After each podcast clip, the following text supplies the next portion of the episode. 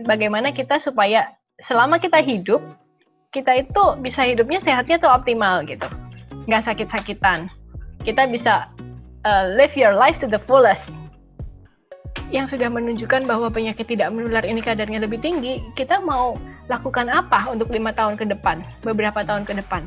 Akankah ini sama seperti ini, atau kita mau reversing, kita mau ubah kondisinya?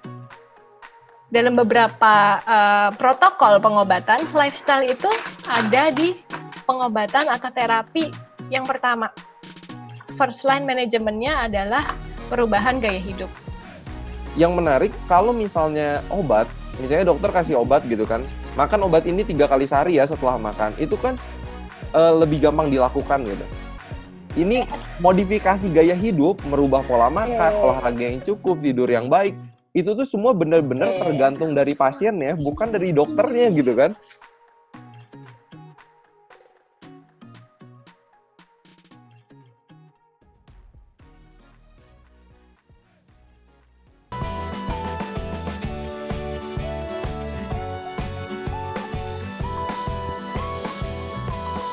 Hai, gue Willy Yonas. Selamat datang di podcast Sehat Seutuhnya. Terima kasih udah hadir di uh, acara kita. Acara kita dengan tema uh, Is Eating Right Enough to Cure Diseases?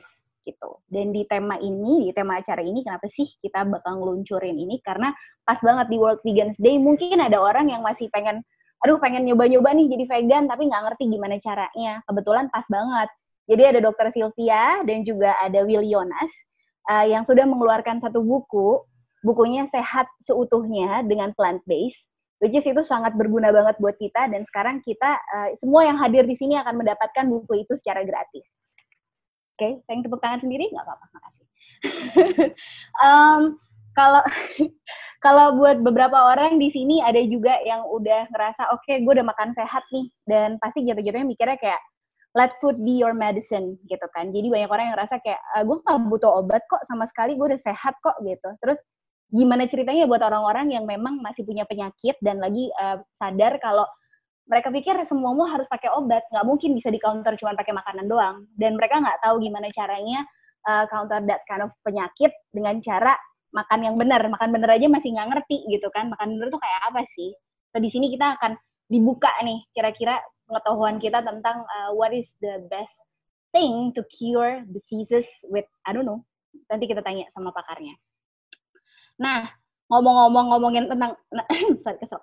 Ngomong-ngomong tentang uh, nanya tentang uh, si plant based, how to make this plant based as a uh, as a thing to to cure our diseases Caranya kita sekarang mau nanya dulu sama dua orang yang memang sudah ahli sekali di bidang nutrisi.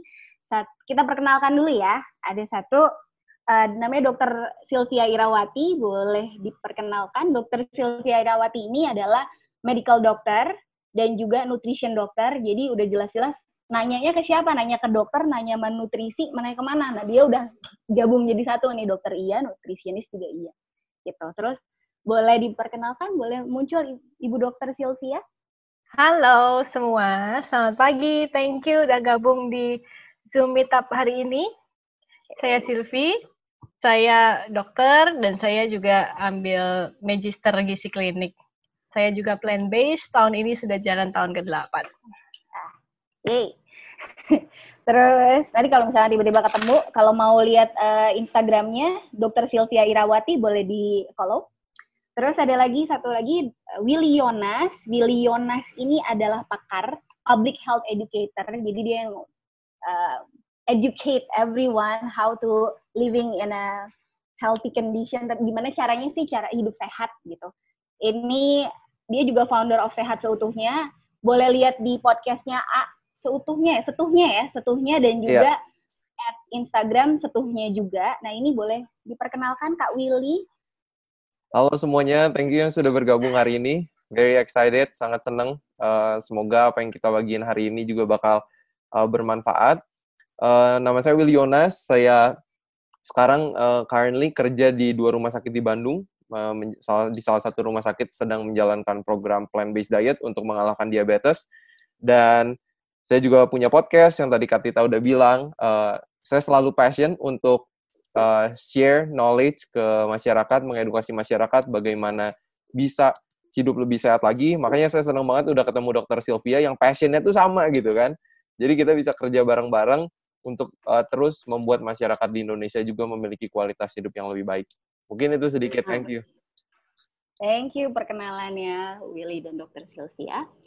Um, ngomongin tentang itu, perkenalkan diri saya, saya Tita.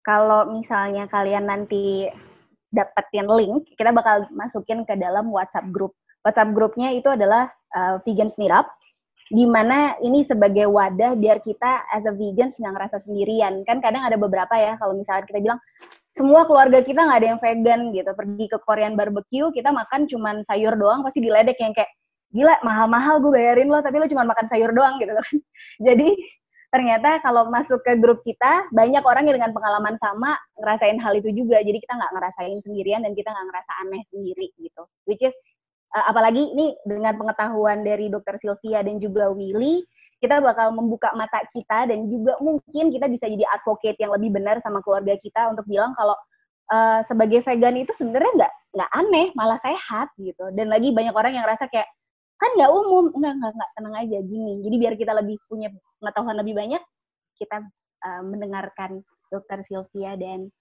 Willy Yonas oke okay, kita mau mulai sekarang.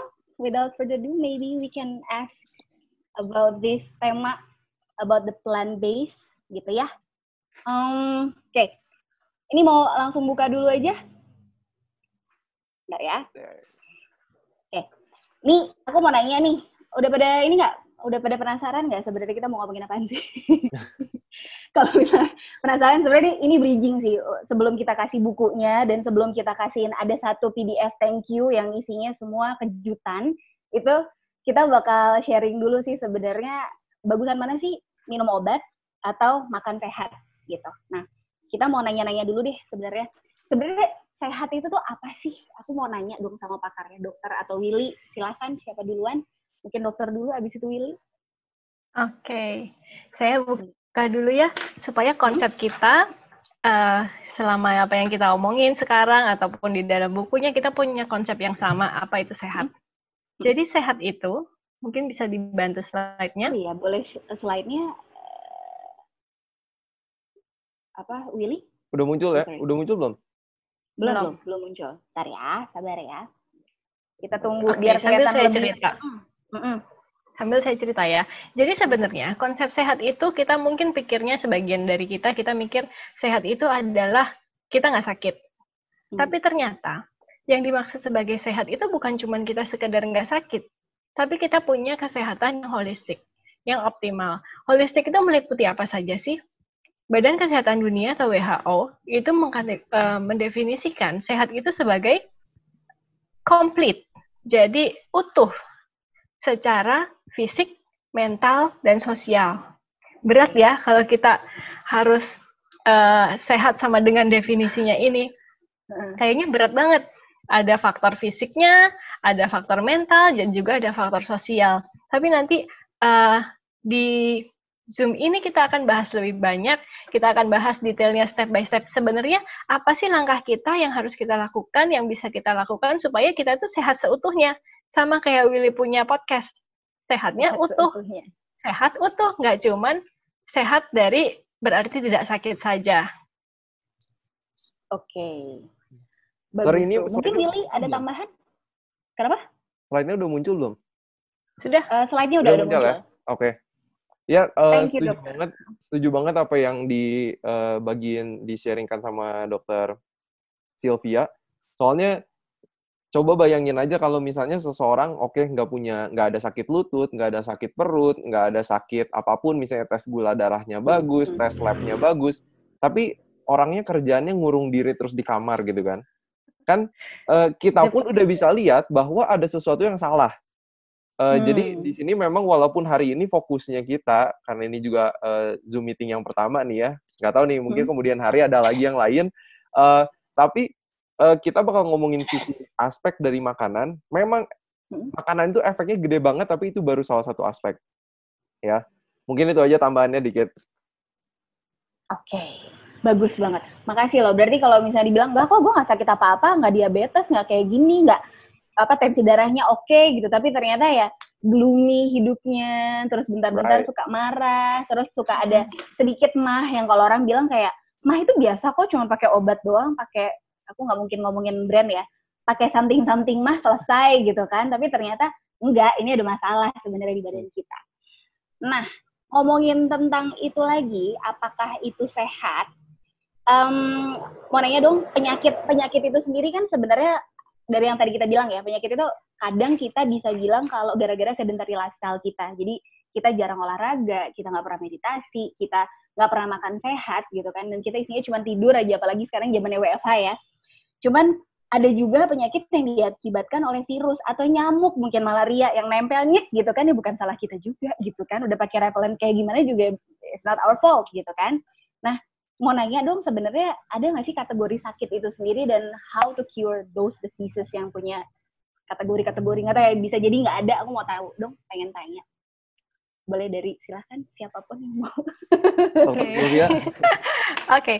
jadi kalau kita ngomong sakit secara fisik itu saat ini dunia sedang menghadapi double burden artinya ada beban ganda dari penyakit uh, ada penyakit infeksi dan penyakit metabolik. Slide eh, berikutnya mungkin lebih jelas kita bisa lihat di di grafik.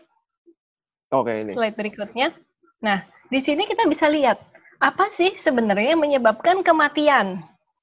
Setiap orang pasti akan mencapai titik ini. Tapi penyebabnya apa sih kita? Bagaimana kita supaya selama kita hidup, kita itu bisa hidupnya sehatnya tuh optimal gitu. Nggak sakit-sakitan kita bisa uh, live your life to the fullest. Nah, penyakit ini sebenarnya yang paling tinggi menyebabkan kematian itu ada dua, penyakit menular sama penyakit tidak menular. Kita bisa lihat di sini tinggi sekali. Dan semakin tahun penyakit tidak menular ini semakin tinggi loh di yang warna merah. Itu adalah tahun hmm. 2007. Jadi kita lihat dari tahun 95, 2001 sampai uh, 2007 itu dia semakin tinggi jumlah kematian akibat penyakit tidak menular. Sedangkan bagaimana dengan penyakit menular? Penyakit menular ini contohnya adalah uh, yang kita hadapin sekarang, COVID-19. Kemudian yang sekarang juga masih tinggi di Indonesia, TBC, demam berdarah, malaria, diare. Hmm. Diare pun sebenarnya kita nggak bisa anggap remeh, karena itu penyebab kematian yang tinggi di anak-anak. Jadi beban ini masih tetap ada saat ini. Walaupun sudah bisa semakin dikontrol dengan adanya terapi-terapi, dengan higiene dan teknologi yang lebih tinggi. Hmm. Tapi bagaimana dengan penyakit tidak menular? Penyakit tidak menular seperti apa? Seperti kanker, diabetes, kemudian penyakit jantung, stroke, hipertensi, itu ternyata semakin tahun tuh semakin meningkat jumlahnya. Hmm, tidak menular. Bisa ya. dibantu uh, di dot chartnya. Ya. Ini. Ini adalah prevalensi jumlah kejadian kanker di Indonesia dan dibagi-bagi ke beberapa daerah ke setiap uh, provinsi dibandingkan antara tahun 2013 dan 2018. Ternyata angka kejadian kanker itu sangat tinggi, lebih tinggi dibandingkan tahun 2013. Hmm. Semakin naik ya wow. overall ya. Ini nah. kayaknya maaf dok, mau uh -huh. sebentar. Berarti miskonsepsi ya orang selalu bilang, oh gue cancer gara-gara nyokap gue cancer gitu. Selalu, selalu kayak gitu. Ternyata salah ya. Uh, faktor genetik selalu ada. Okay. Tapi faktor genetik itu bisa dimodifikasi. Kita mungkin bahas nanti di belakang. Oke, okay, thank you. Oke, okay, jadi jangan lift dulu ya. Jangan lift dulu. Sampai terakhir ya. Oke, okay. ini ini tingkat penyakit stroke. Jadi dari sini kita bisa lihat ternyata naiknya tinggi banget ya. Jaraknya hmm. jauh loh sama tahun 2013. Hanya yeah. dalam lima tahun kenaikannya besar. Berarti bisa dibilang bahwa semakin lama dari segi penyakit tidak menular nih orang Indonesia makin nggak sehat dong. Hmm. Karena jumlahnya semakin tinggi. Yang next, diabetes. Diabetes mellitus juga. Diabetes mellitus ini istilahnya ada the silent killer. Jadi pembunuh yang diam-diam. Kenapa? Kadang orang kadang nggak sadar kalau dia memiliki kadar gula darah yang tinggi. Sampai benar-benar tinggi dan bergejala. Misalkan sampai uh, kaki tangannya kesemutan ujung-ujungnya. Hmm. Atau matanya burem. Ternyata kadar gula darahnya tinggi. Dan itu yang menyebabkan gejala-gejala tersebut. Bisa juga gangguan ginjal juga disebabkan karena dasarnya diabetes. Dan hmm. jumlahnya juga meningkat dalam lima tahun terakhir. Data ini menunjukkan hal yang sama. Berarti dalam lima tahun yang sudah menunjukkan bahwa penyakit tidak menular ini kadarnya lebih tinggi, kita mau lakukan apa untuk lima tahun ke depan, beberapa tahun ke depan? Akankah hmm. ini sama seperti ini? Atau kita mau reversing, kita mau ubah kondisinya? Hmm. Apakah kita mau jadi orang yang ada di grafik ini, atau kita mau jadi orang yang tidak ada di grafik ini? Kita punya pilihan. Hmm. Dan itu adalah pilihan personal. Oke, okay. next. Ini obesitas. Kejadian obesitas juga semakin meningkat di atas umur 15 tahun. Berarti lifestyle lagi yang jadi uh, yang harus dimodifikasi. Kenapa hmm. lifestyle yang harus dimodifikasi? Karena dalam beberapa kejadian, dalam beberapa uh, protokol pengobatan, lifestyle itu ada di pengobatan atau terapi yang pertama. First line manajemennya adalah perubahan gaya hidup. Kita hmm. nanti bahas lebih lanjut. Mungkin ada yang mau bertanya? Mungkin, Mungkin kalau oh ya, kalau ada yang mau bertanya, boleh pakai ini tambahin. Boleh di chat pakai hashtag ask ya. Chat dengan hashtag ask. Kalau ada yang mau nanya, nanti kita akan pilih. Nanti, oke. Okay. Oke. Okay. Ah, sebelumnya, Willy nambahin ya? Ah, mau nambahin apa? Aku mau nambahin aja mungkin uh, bring it uh, lebih personal ya. Um, aku sendiri, uh, mungkin tadi aku belum udah baca juga di flyer-flyer yang kita bagiin uh, aku itu uh, tahun lalu baru tamat dengan jurusan health ministry. Aku pelajari itu kan benar-benar penyakit tidak menular. Walaupun kita mempelajari juga penyakit menular ya, malaria, TBC dan yang lainnya. Cuman kenapa uh, aku akhirnya memilih jurusan ini dan akhirnya men mendalami ini?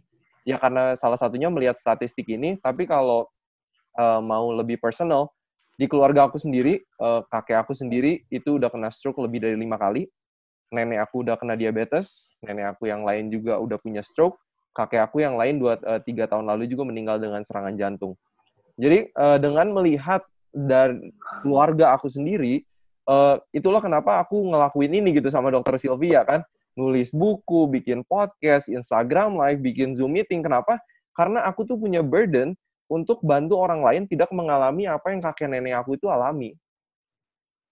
Jadi uh, pasti teman-teman juga yang uh, lagi ikutan di sini mungkin udah pernah dengar gitu kan, udah pernah dengar uh, kakeknya, neneknya, temennya, teman orang tuanya yang udah punya hipertensi, diabetes, dan aku rasa kita semua yang uh, setelah ikut acara ini juga kita tuh bisa melakukan sesuatu gitu. Mungkin uh, nanti juga kita akan share ebook PDF kita, kita bisa share ke mereka karena kita juga ngelakuin ini semuanya uh, gratis karena kita pengen semua orang itu punya akses kepada knowledge, kepada pengetahuan yang evidence based, emang menurut penelitian bahwa pola makan nabati ini adalah pola makan terbaik untuk mencegah penyakit-penyakit yang tadi dokter Sylvia udah bagiin. Mungkin itu sedikit tambahannya. Thank you. Ya, nanti juga bisa nanya-nanya di grup ya. Kan dokter Sylvia sama dokter dokter Sylvia sama Willy juga ada di grup. Jadi bener nggak sih kalau kayak gini? Dan lagi satu sih, aku mau nambahin ke pola makan atau pola hidup tidak sehat kita itu bisa menurun bukan lebih ke penyakitnya tapi gaya hidupnya. Yang akhirnya misalnya kita biasa makan junk food gitu. Setiap hari makan gorengan sama nasi sama indomie misalnya. Eh sorry ngomong eh, merek. Brand. Brand. Aslinya sih intinya kalau terus-terusan kayak gitu anak-anak kita juga bilang mak apa kok hidup aja makan kayak gitu. Yang ada nanti sama mereka juga akan punya penyakit yang sama dengan kita gitu ya dok ya kira-kira sama ya, Willy. oke. okay. Terus nanya nih, ngomong-ngomong dari situ gaya hidup, oh sorry sorry, ngomongin tentang gaya hidup dan kawan-kawannya, kira-kira,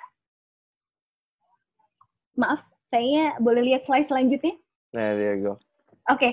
pengen tahu nih cara menghadapinya gimana? Soalnya ini agak-agak salah sama kita. Gimana sih cara ngadepinnya? Jadi kayak misalnya kita udah udah sakit nih, anggap udah sakit atau mungkin kita ngerasa kayaknya kita udah sehat tapi mungkin baru sadar pola hidup kita kayaknya mungkin ada yang salah deh. Cara ngadepinnya gimana sih? Oke, dokter Silvia mau mulai duluan dok?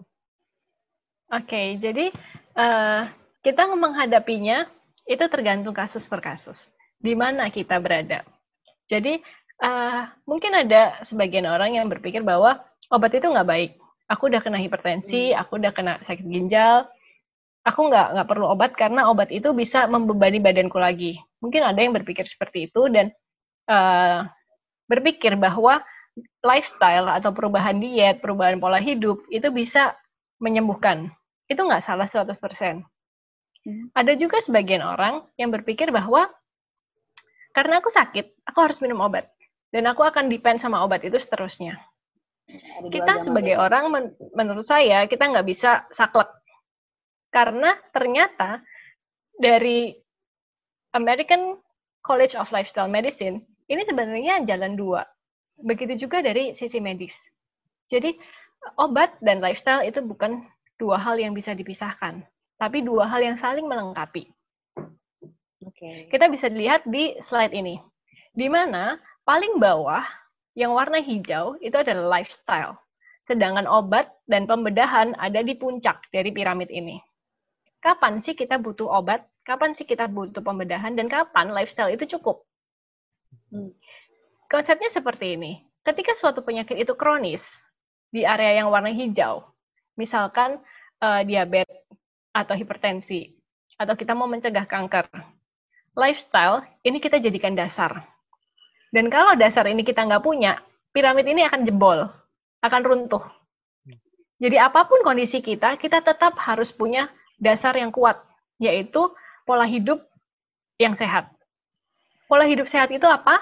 Nanti ada di belakang. Saya jelaskan kemudian ketika kita memiliki satu penyakit yang akut atau yang kritis di puncak piramid, kita mungkin kita perlu obat dan kita perlu pembedahan. Contohnya seperti ini, seorang yang uh, yang diabetes, dia sudah mengubah gaya hidupnya jadi pola makan sehat. Tapi suatu ketika tanpa obat, kadar gula darahnya sangat tinggi. Ketika kadar gula darah sangat tinggi, ini bisa menyebabkan kondisi yang namanya koma diabetikum orangnya bisa nggak sadar. Oh. Jadi pada saat itu atau sebelum itu terjadi, kita harus intervensi dengan obat. Jadi ada porsi, tetap ada porsi obat di sana. Sama seperti hipertensi. Orang hipertensi bisa dikontrol dengan gaya hidup yang baik, gaya hidup yang sehat. Olahraga, istirahat teratur, stress management, dan juga diet yang baik. Tapi ketika kadar uh, tekanan darahnya itu tinggi sekali, critical hypertension, kalau itu kita nggak kasih obat, bisa pembuluh darahnya pecah dan kemudian oh. bisa stroke. Jadi di sini saya ingin menunjukkan bahwa obat dan lifestyle itu tidak bisa dipisahkan. Dasarnya adalah lifestyle. Jadi, apa pun kondisi kita, kita tetap harus lakukan perubahan lifestyle. Ini dibuktikan dengan protap atau uh, manajemen dari penyakit-penyakit yang tidak menular. Di sini adalah protokol terapi dari hipertensi. Kita lihat di kotak yang warnanya kuning. Ketika kita didiagnosa memiliki tekanan darah yang tinggi, langkah pertama yang harus dilakukan apa? Intervensi gaya hidup. Hmm. Nah, Ketika ketekanan darah kita masih di area yang sebelah kiri, kotak yang paling kiri, di sini baru dipertimbangkan, pertimbangkan pemberian obat. Hmm. Jadi, apabila kita masih dalam kelompok yang paling kiri ini, kita bisa dengan modifikasi gaya hidup, bisa nggak pakai obat. Tapi, ya, kalau masih di kotak yang paling kiri. Tapi hmm. ketika kita sudah hipertensi derajat 1, derajat 2, derajat 3, tetap kita nggak boleh meninggalkan perubahan gaya hidup. Ditambah dengan obat-obatan. Hmm, ya, kebayang ya sekarang ya. ya, ya. Kapan kita perlu obat, kapan kita uh, cukup dengan modifikasi gaya hidup. Okay. Yang berikutnya juga ada contoh lain lagi. Untuk next slide.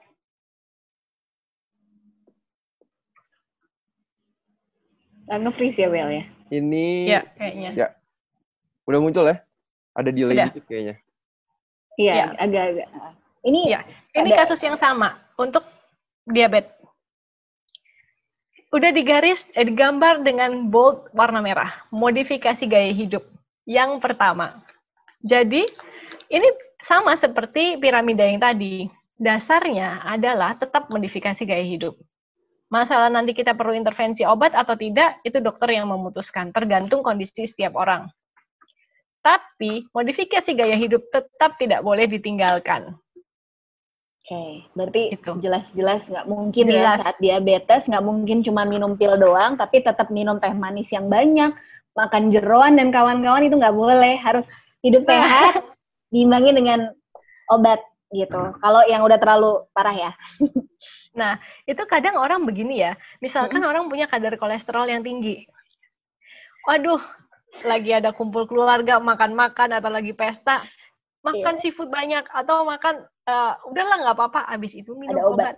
Iya iya iya. Itu Abis sering itu minum obat. Nah, sekarang di mana nih porsinya?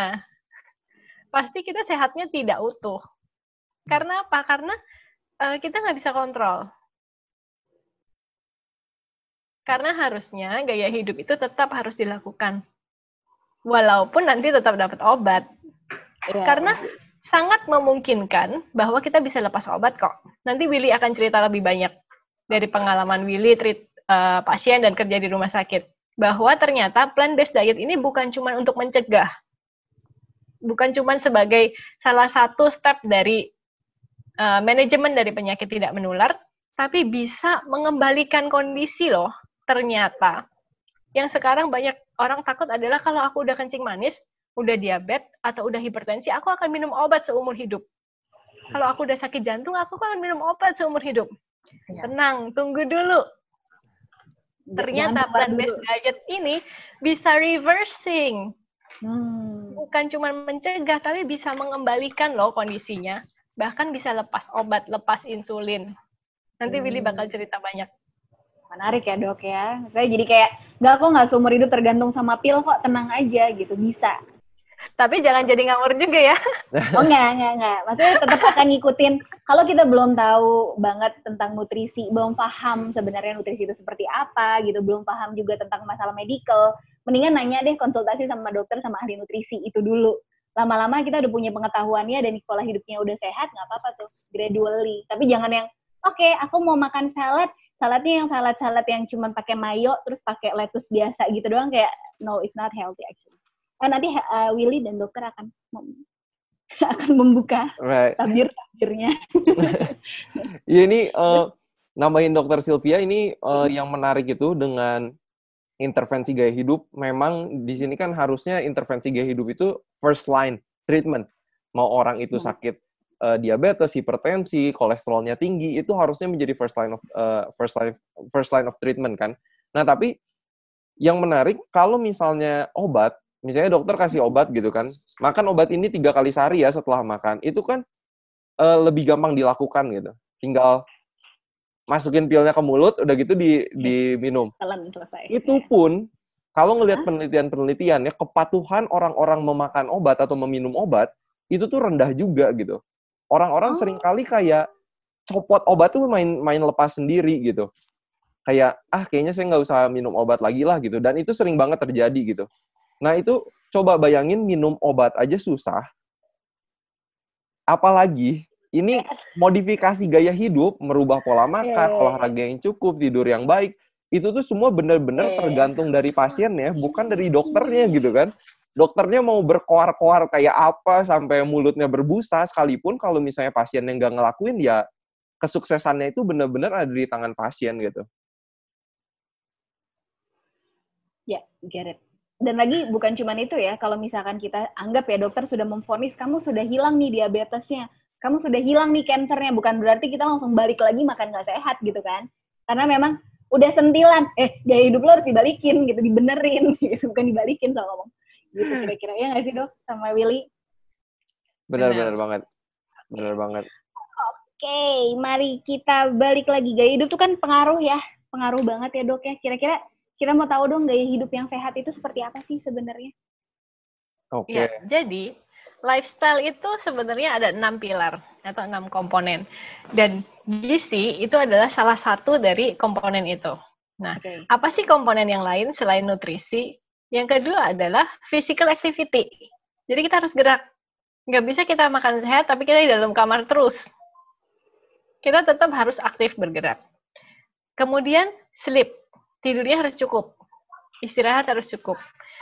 Lalu stress management jadi tadi sudah kita bahas di awal bahwa kesehatan mental itu juga menentukan loh seseorang ini sehat atau enggak.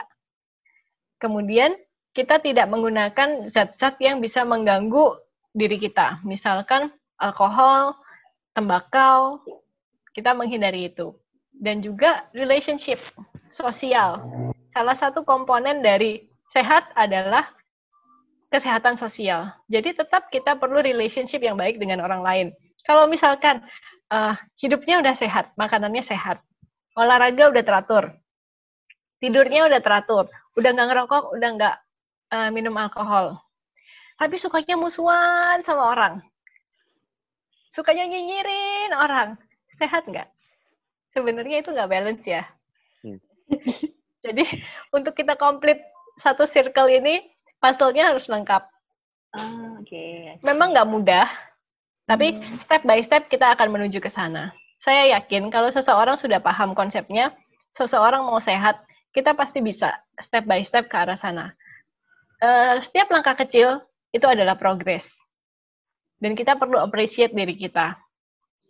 Hmm. Hari ini kita akan bahas banyak mengenai diet, mengenai nutrisi. Mungkin the next meetup kita bisa ulik lagi lebih jauh untuk faktor-faktor yang lain. Iya. Pasti.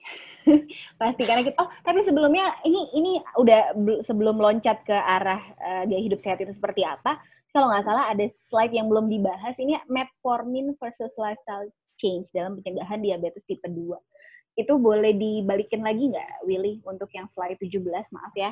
Ya boleh boleh. Ah, nah ini kira-kira apa sih metformin terus lifestyle changes? Ini kayak gimana kah kira-kira? Oke. Okay.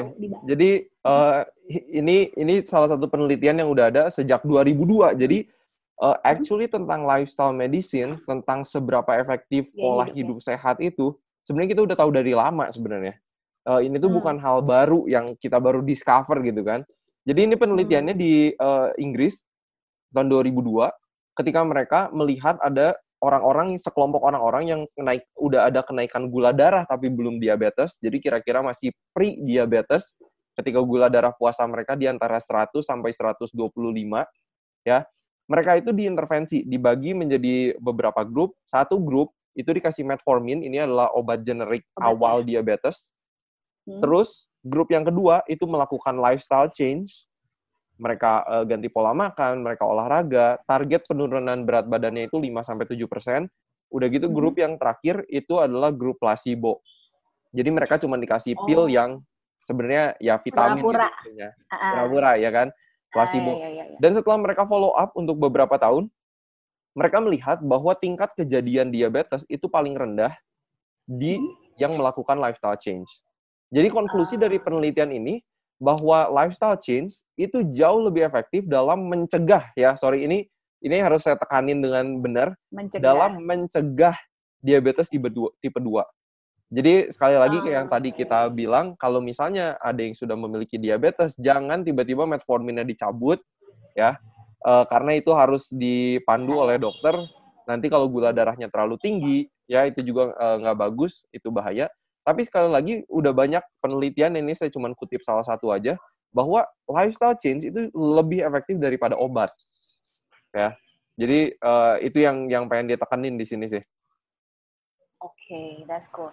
Jadi sebenarnya balik lagi diingetin kalau memang ternyata kondisinya udah akut, jangan langsung oke okay, saya mau makan sehat, ntar dulu toksinnya masih banyak nih harus diobatin harus dibersihin pakai obat dulu kira-kira gitulah ya kayak apa analoginya satu sampahnya udah numpuk harus dibersihin dulu sampahnya habis itu baru mulai deh dipel lah dibersihin atau kayak gimana di maintain lah ya kira-kira jadi jangan langsung mikir maintain tapi obatin dulu gitu kali ya Is it right. Jadi, ada right? satu ilustrasi yeah. yang kebetulan huh? aku nggak masukin ke sini eh dokter Silga mm-hmm. silakan dok kalau ada tambahan nggak Willy silakan oke okay.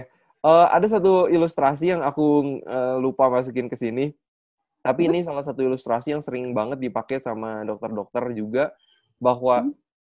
bayangin kita ada di satu ruangan, kita Hmm. itu ada ada satu sink atau wastafel yang kerannya tuh kebuka terus gitu. Dan bayangin ada orang, ada misalnya orang yang kerja di cleaning service, kerjanya itu ngepel airnya doang tanpa matiin keran airnya. Nah, sering kali Oh, konsep kita kalau kita tuh mau pakai obat tapi nggak mau ngeganti lifestyle, itu tuh kayak cleaning service yang tadi, ngepel Eh. terus tanpa matiin sumber masalahnya. Tapi ketika kita Eh. melakukan perubahan gaya hidup, kita tuh matiin sumber dari masalah dari penyakit itu sendiri sih.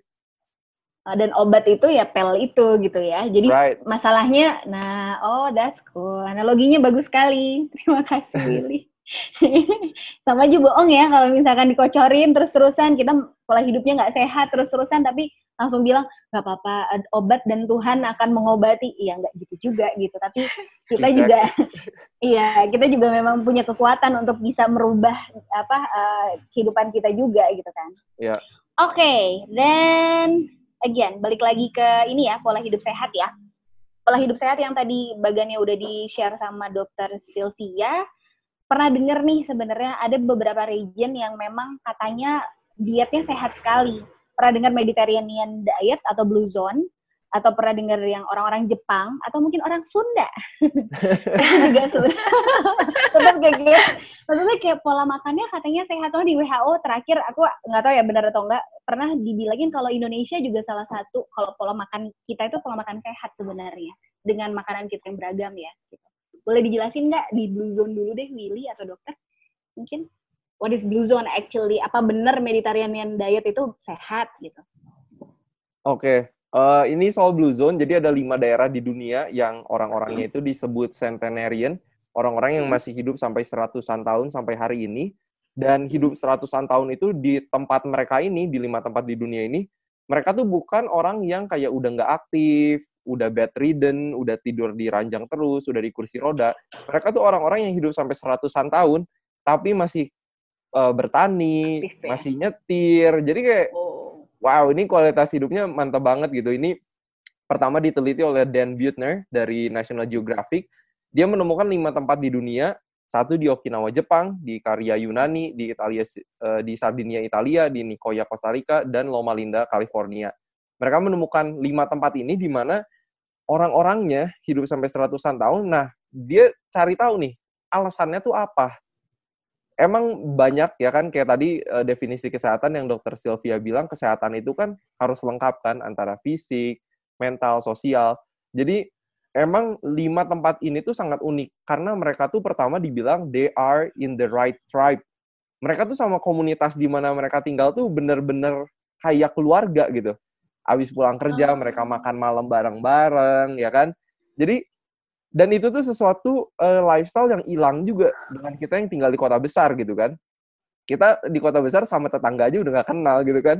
Jadi eh, terus mereka selalu bertani ya, selalu aktif bergerak. Nah, yang menarik salah satu yang mereka lihat itu adalah eh, dari makanan mereka ya kan. Kalau ini salah satu contoh aja orang-orang di Okinawa Jepang, kalau kita lihat berapa pembagian pola makan mereka itu seperti apa, mayoritas yang mereka makan eh, dari karbohidratnya itu adalah sweet potatoes atau ubi, udah gitu ada nasi, ada eh, vegetable, ada legumes ya, kacang-kacangan, polong-polongan, terus ada other grains juga. Nah, kita lihat daging itu hanya sedikit dari porsi yang mereka makan. S- 2% dari total yang mereka makan. Apa artinya? Kalau kita translatekan itu tuh mereka tuh makan daging cuman kalau misalnya New Year, kalau misalnya ada hari raya khusus, ya kan, tapi bukan menjadi daily habits dari mereka ini. Mungkin itu sedikit tentang Blue Zone, Kak. Oh, thank you loh. Soalnya selama ini yang aku tahu Blue Zone itu adalah pola makan diet Mediterranean. That's it. Jadi bukan nggak sebanyak itu pengetahuan aku. Makasih loh buat opening my eye. Dan lagi ini juga opening people's eyes juga eh, karena orang selalu bilang kalau pengen makan sehat, pengen kurus badannya, pengen lebih sehat lagi itu kurangin karbohidrat tapi banyakin protein tapi lebih banyak ke uh, protein hewani. Ternyata pas dilihat di sini ternyata enggak gitu. Kayak fish meat sama poultry lebih sedikit, karbohidratnya banyak sebenarnya gitu. Tuh gimana Right. ya? Boleh dibahas kan? Ada yang mau menjelaskan? Ya, Atau nanti? Mungkin, Uh, kita coba-coba jelaskan dulu tentang kebutuhan uh, manusia ya. Ada di slide gambar tentang apa sih yang kita butuhkan. Oh itu nanti akan kita bahas selanjutnya nanti kita bahas kita lagi. Nanti kita bahas selanjutnya. Okay. Nanti kita bahas lagi. Oke. Okay. Okay. Kalau gitu. Kita kita kita ngomongin tentang ini deh research research dulu aja kali ya. Um, dari semua research yang pernah pernah kamu baca, bukan baca sih yang apa knowledge dari research research itu, kira-kira ada nggak sih research yang bikin kita ngerasa kayak oh iya ya ini nggak cuma main-main. Selain yang tadi ya, yang tadi kan diabetes yang uh, dirimu sebutin, pilih yang dibilangin ada beberapa kelompok yang uh, ada tiga kan kelompoknya yang dibedain right. satu gaya hidup sehat, satu obat, satunya lagi placebo. Ada lagi nggak sih another experience atau uh, research yang kamu bisa share? Yes, uh, banyak sebenarnya research yang lain. Aku pengen research uh, bagiin aja ini penelitian mengenai sakit mm -hmm. jantung. Uh, mm-hmm. Kebetulan juga uh, baru banget ada uh, keluarga aku yang baru kena serangan jantung juga, so it's very dear to my heart uh, karena kita bisa benar-benar ngelihat hope, satu harapan yang benar-benar luar biasa dengan melakukan plant-based diet gitu. Ini do dua dokter, cardiologist uh, dua-duanya yang uh, memiliki banyak penelitian di Amerika Serikat. Satu Dean Ornish, uh, waktu pas di US saya juga pernah kesempatan bertemu beliau. Terus uh, Caldwell Esselstyn juga, ya. Uh, penelitiannya gini, da, saya mau bahas satu aja dari Caldwell Esselstyn. Uh, dia pakai pasien-pasiennya sendiri, ada 198 pasien. Semua pasiennya itu ditaruh di whole food plant-based diet, low fat lagi, ya. Jadi ini tuh benar-benar juga meminimalisir penggunaan minyak.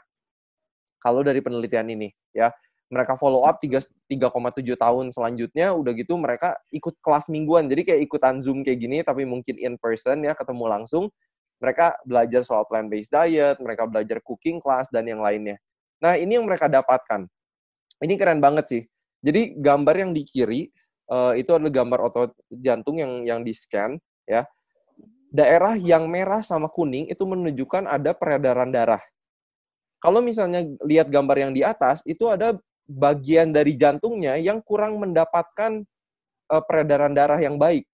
Ya, kalau lihat dari yang panahnya itu itu before treatment pakai plant based diet. Udah gitu dalam tiga minggu aja itu langsung peredaran darah ke otot jantungnya itu langsung lancar semua. Coba dalam tiga oh, minggu cepet, minggu. Wow. cepet banget kan? Dan ini cepet uh, banget tiga minggu. Parah sih, cepet banget, uh-huh. cepet banget. Uh, terus ini kalau yang kanan ini hasil dari uh, gambar dari pembuluh darah jantung, pembuluh darah uh, koroner yang sudah ada penyempitannya. Kalau teman-teman lihat itu di gambar yang kiri, yang A, itu kan udah udah ada penyempitannya ya, mengecil gitu, mm -hmm. kayak sungai yang mhm. mengecil. Mm -hmm. Nah, setelah pasien ini mengadaptasi pola makan plant-based diet 32 bulan, which is hampir 3 tahun, ya, pembuluh darahnya itu benar-benar mulus lagi, kebuka lagi kayak normal. Dan ini hmm. something yang uh, ini penelitian yang remarkable banget uh, di dunia kedokteran, di dunia medis bahwa kok bisa pola makan bisa ngebuka pembuluh darah tuh kayak gini lagi gitu. Karena biasanya kalau orang-orang yang kayak gini kan ini udah di stand. Ya kan? Hmm. Udah di stand gitu. Dibuka emang pakai intervensi katerisasi. Kater, eh, kater. Nah, kalau ini ini dengan pola makan dan kemarin juga uh, aku ada kenalan dokter jantung juga di Bandung dan beliau banyak banget kasih cerita ke pasien uh, cerita pasien-pasiennya ke aku kalau pasiennya itu banyak yang udah penyempitannya ada yang 60%, 70% ketika dikasih tahu suruh makan plant based olahraga akhirnya bisa naik sepeda keliling Pulau Jawa gitu. Dan itu kayak wow, amazing. Mind blowing banget gitu. Jadi banget buat kita eh, nggak uh, ada harap nggak apa ya selalu ada harapan walaupun mungkin kita sudah diketahui udah punya penyempitan pembuluh darah tapi kalau kita dari hari ini nih mau coba untuk makan plant based diet makan makanan nabati yang salami mungkin seutuh mungkin itu ada harapan. Dan ini uh, hasilnya aja sedikit. Kemajuannya jauh banget. Mencengangkan sih itu. Kemajuannya banyak jauh banget. Orang-orang 112 dari peserta penelitian yang memiliki angina atau chest pain ya rasa sakit di dada sesek kayak hmm. kalau orang bilang ada yang kayak diinjek gajah dan lain-lain.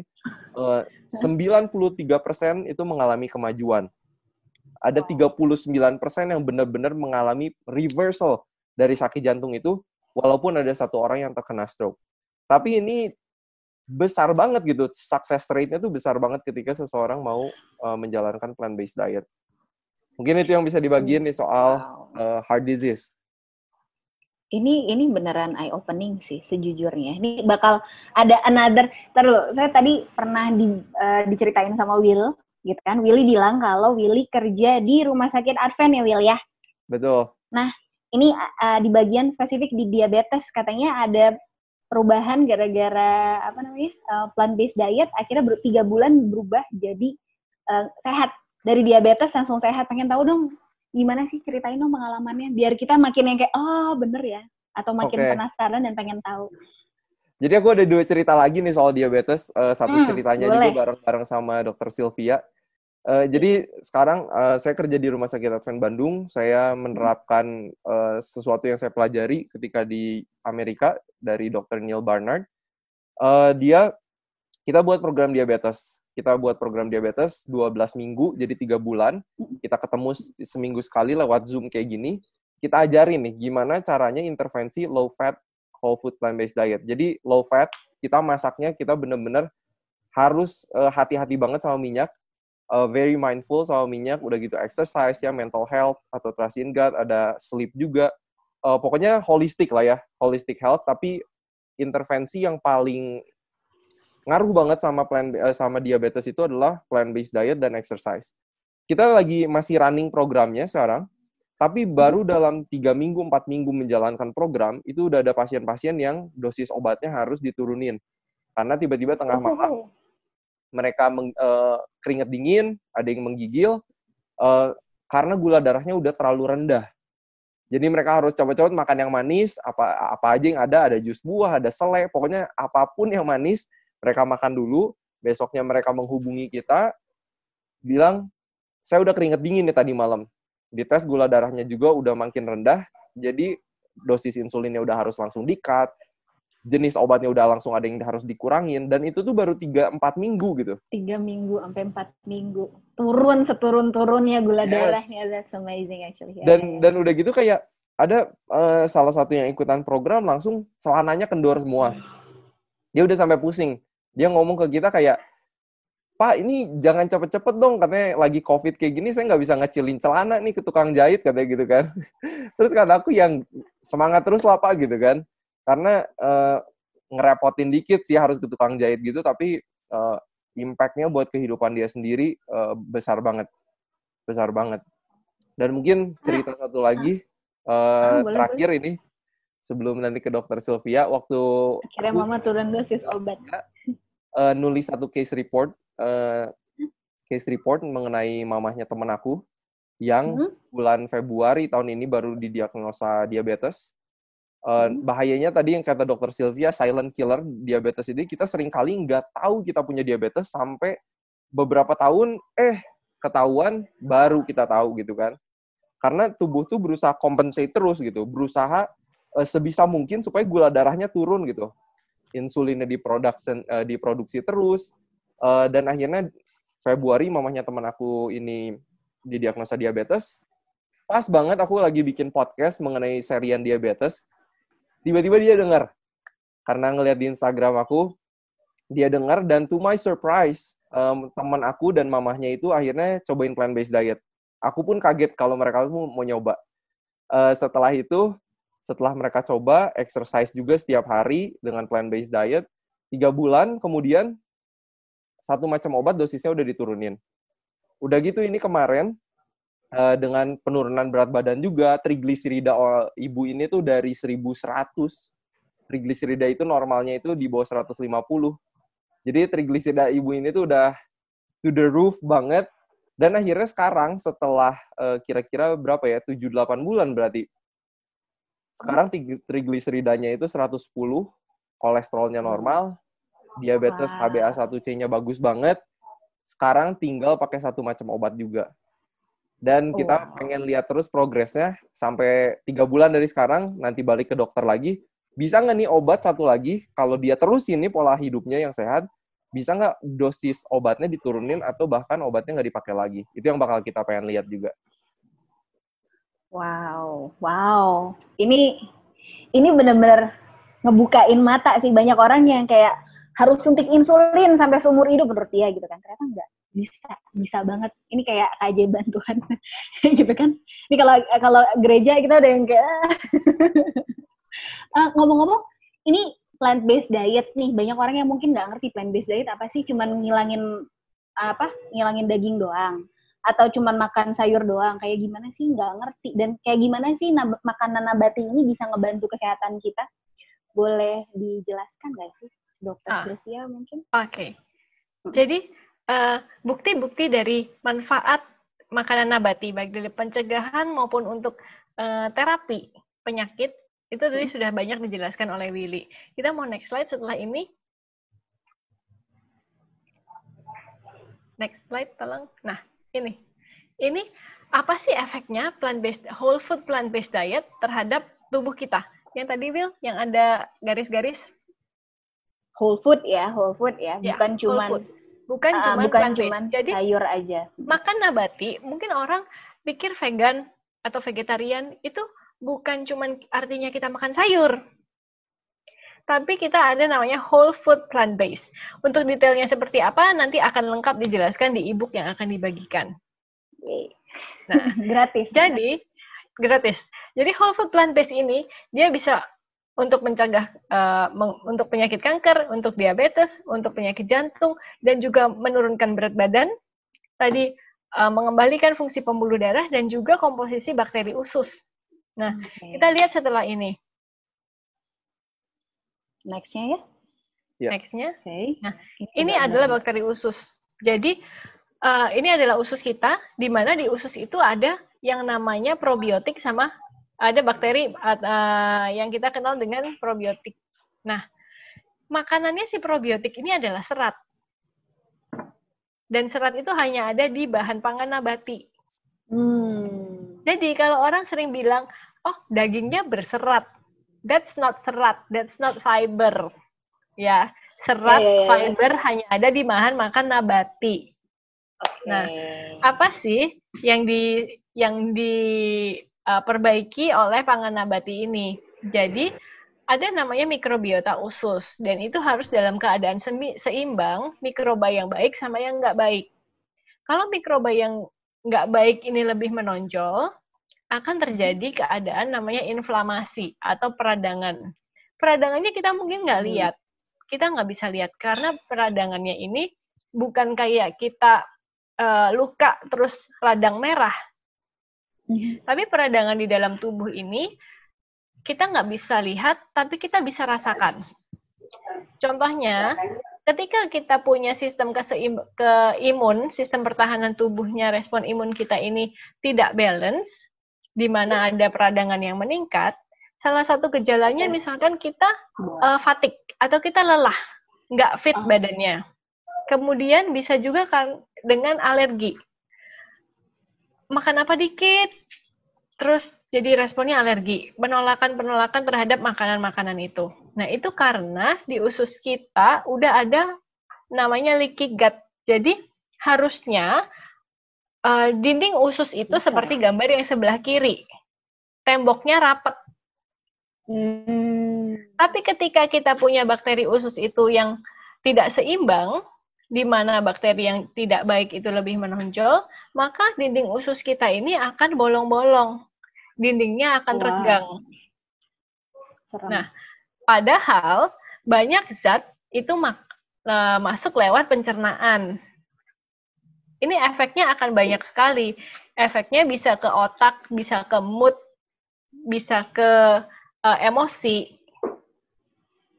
dan juga sampai ke autoimun. Bisa dari sini sumbernya ini ini boleh nanya dok.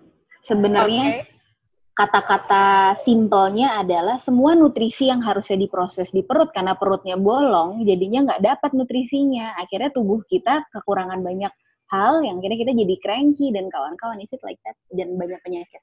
Uh, bukan cuma loss nutrisi, tapi mm-hmm. toksin-toksin dan zat-zat yang harusnya disaring, harusnya mm-hmm. nggak masuk ke tubuh, itu dia ikut masuk. Oh, I see. Dan tidak terproses secara benar ya jadinya ya? Iya. Willy hmm. mungkin mau nambahin tentang ini. Iya, jadi uh, bener banget itu mungkin teman-teman yang udah dengar leaky gut ya, banyak sekali sekarang digunakan. Jadi harusnya dinding-dinding usus itu rapat, tapi karena kita jarang makan serat, eh, banyak juga penelitiannya kalau kita makan high fat diet, kita banyak makan gorengan, eh, itu juga eh, membuat dinding-dinding besar kita itu kurang rapat. Jadi endotoksin endotoksin dari bakteri itu masuk ke dalam darah itu yang bikin inflamasi. Nah, inflamasinya itu kalau misalnya kita ketusuk paku, itu juga kan ada inflamasi gitu kan. Karena hmm. inflamasi hmm. itu normal respons dari tubuh. Tapi kalau misalnya kita, usus kita bocor-bocor dikit setiap hari bertahun-tahun, hmm. Itu low grade inflammation. Jadi ada peradangan, tingkatnya rendah, tapi terus-menerus.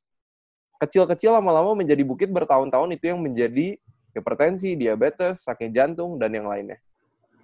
Oh, that's the silent killer.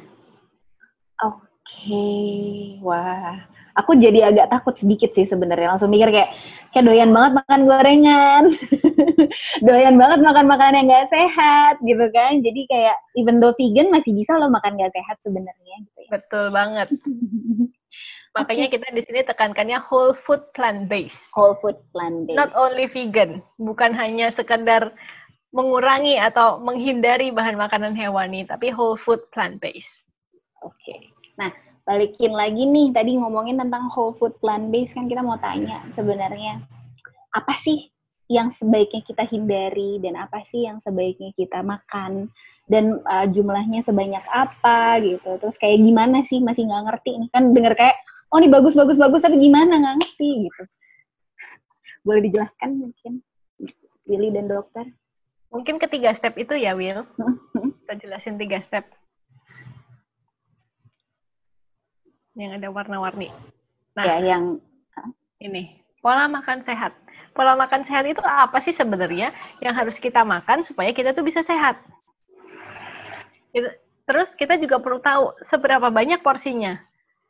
Kalau misalnya kita makan banyak, eh, kita tahu kita harus makan sayur dan buah kita banyakin makan sayur dan buah.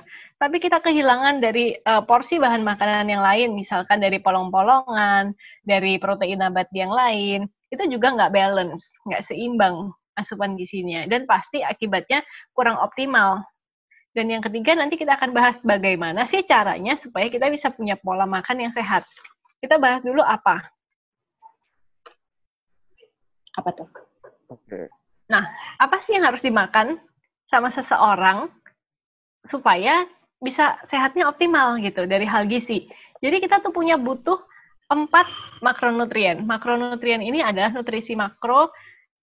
Disebut makro karena uh, molekulnya, jadi uh, penyusunnya. Kita nggak usah terlalu pusing sama istilah ini, tapi kita perlu namanya zat gizi yang dari karbohidrat, protein, lemak, uh, air, cairan. Kemudian juga kita perlu vitamin, mineral, dan juga serat. Nah, ini dijabarkan sebagai apa? Nanti ada di ibu. Jadi apa saja sih yang harus kita makan dalam pola makan nabati yang whole food tadi? Jadi ada serealia utuh, ada sayur, ada buah, dan kacang-kacangan polong-polongan, serta kita tambah sumber kalsium.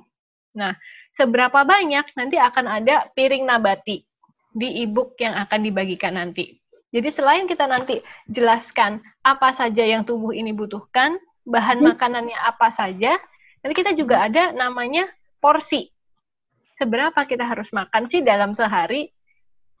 Nah, yeah. itu nanti ada lebih detail di buku yang bisa dibaca. Okay. Kemudian uh, ini, nah ini uh, kelompok makanan yang harus kita makan lebih banyak dan yang sebelah kanan adalah yang kita harus kurangi atau batasi atau bahkan kita nggak makan sama sekali. Nah, yang disarankan dimakan adalah sayur buah, pasti untuk plant-based. Kemudian, jangan lupa karbohidratnya adalah karbohidrat yang whole grain.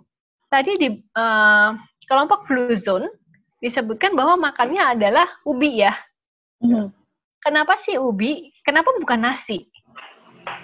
Nah, hmm. karena karbohidratnya yang disarankan adalah karbohidrat kompleks, di mana kandungan serat, vitamin, dan mineralnya lebih tinggi. Lebih tinggi. Okay. Yes. Sedangkan nasi itu udah diproses.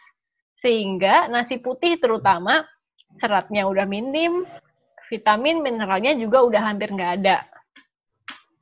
Tapi kalau nasinya masih nasi merah masih nggak apa-apa ya dok ya? Masih lebih baik. Ah, masih lebih baik, oke. Okay. Masih lebih baik. Tapi variasi makanan, termasuk variasi karbohidrat itu juga penting. Hmm. Jangan nasi melulu ya. Jangan nasi melulu gitu.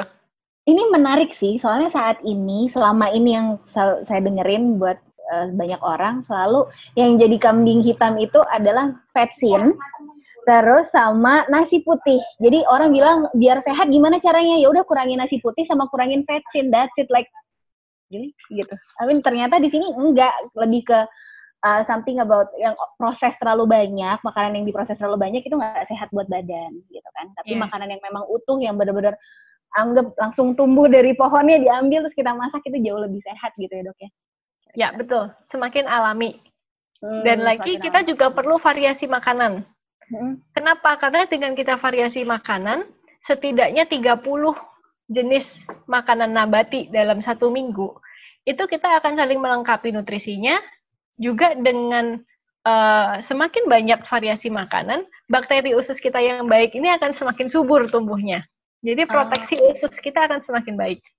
Jadi nggak harus minum obat apa probiotik drink lagi ya kira-kira buat nambahin bakteri.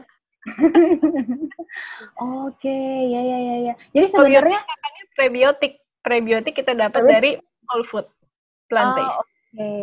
Jadi sebenarnya kenapa sih kita avoid uh, si makan apa uh, hindari makan makanan proses karena memang setelah diproses si nutrisi dan kawan-kawannya sudah nggak ada, akhirnya cuma kenyang doang tapi ya udah cuma gula darah atau gimana sih dok? Pengen tahu penjelasannya? Sedikit bahan aja. tambahan pangannya juga, bahan tambahan pangannya Aditif juga. ya. Ya, dan juga biasanya itu zat gizi yang ada itu ditambahkan, fortifikasi. Okay. Jadi yang aslinya udah nggak ada, udah hilang dengan pemrosesan, kemudian ditambahkan lagi fortifikasi tadi. Dan itu bukan yang alami lagi gitu kan? Ya, ada kenapa kita harus kenapa kita harus pilih itu? Di di saat Indonesia kita hidup di negara kita yang kaya dengan hasil alam, hasil bumi yang alami dan harganya juga uh, masuk di kantong gitu, ramah di kantong. Kenapa kita harus pilih yang sudah diproses dan ditambahkan zat yang nggak alami gitu? dan nggak harus organik ya dok ya. Nggak harus yang kayak makan harus organik gitu. Nggak harus kayak gitu juga ya dok ya It's another story sebenarnya. Oh, it's another story. Berarti nanti nextnya kita bakal ada another talk show buat organik atau enggak?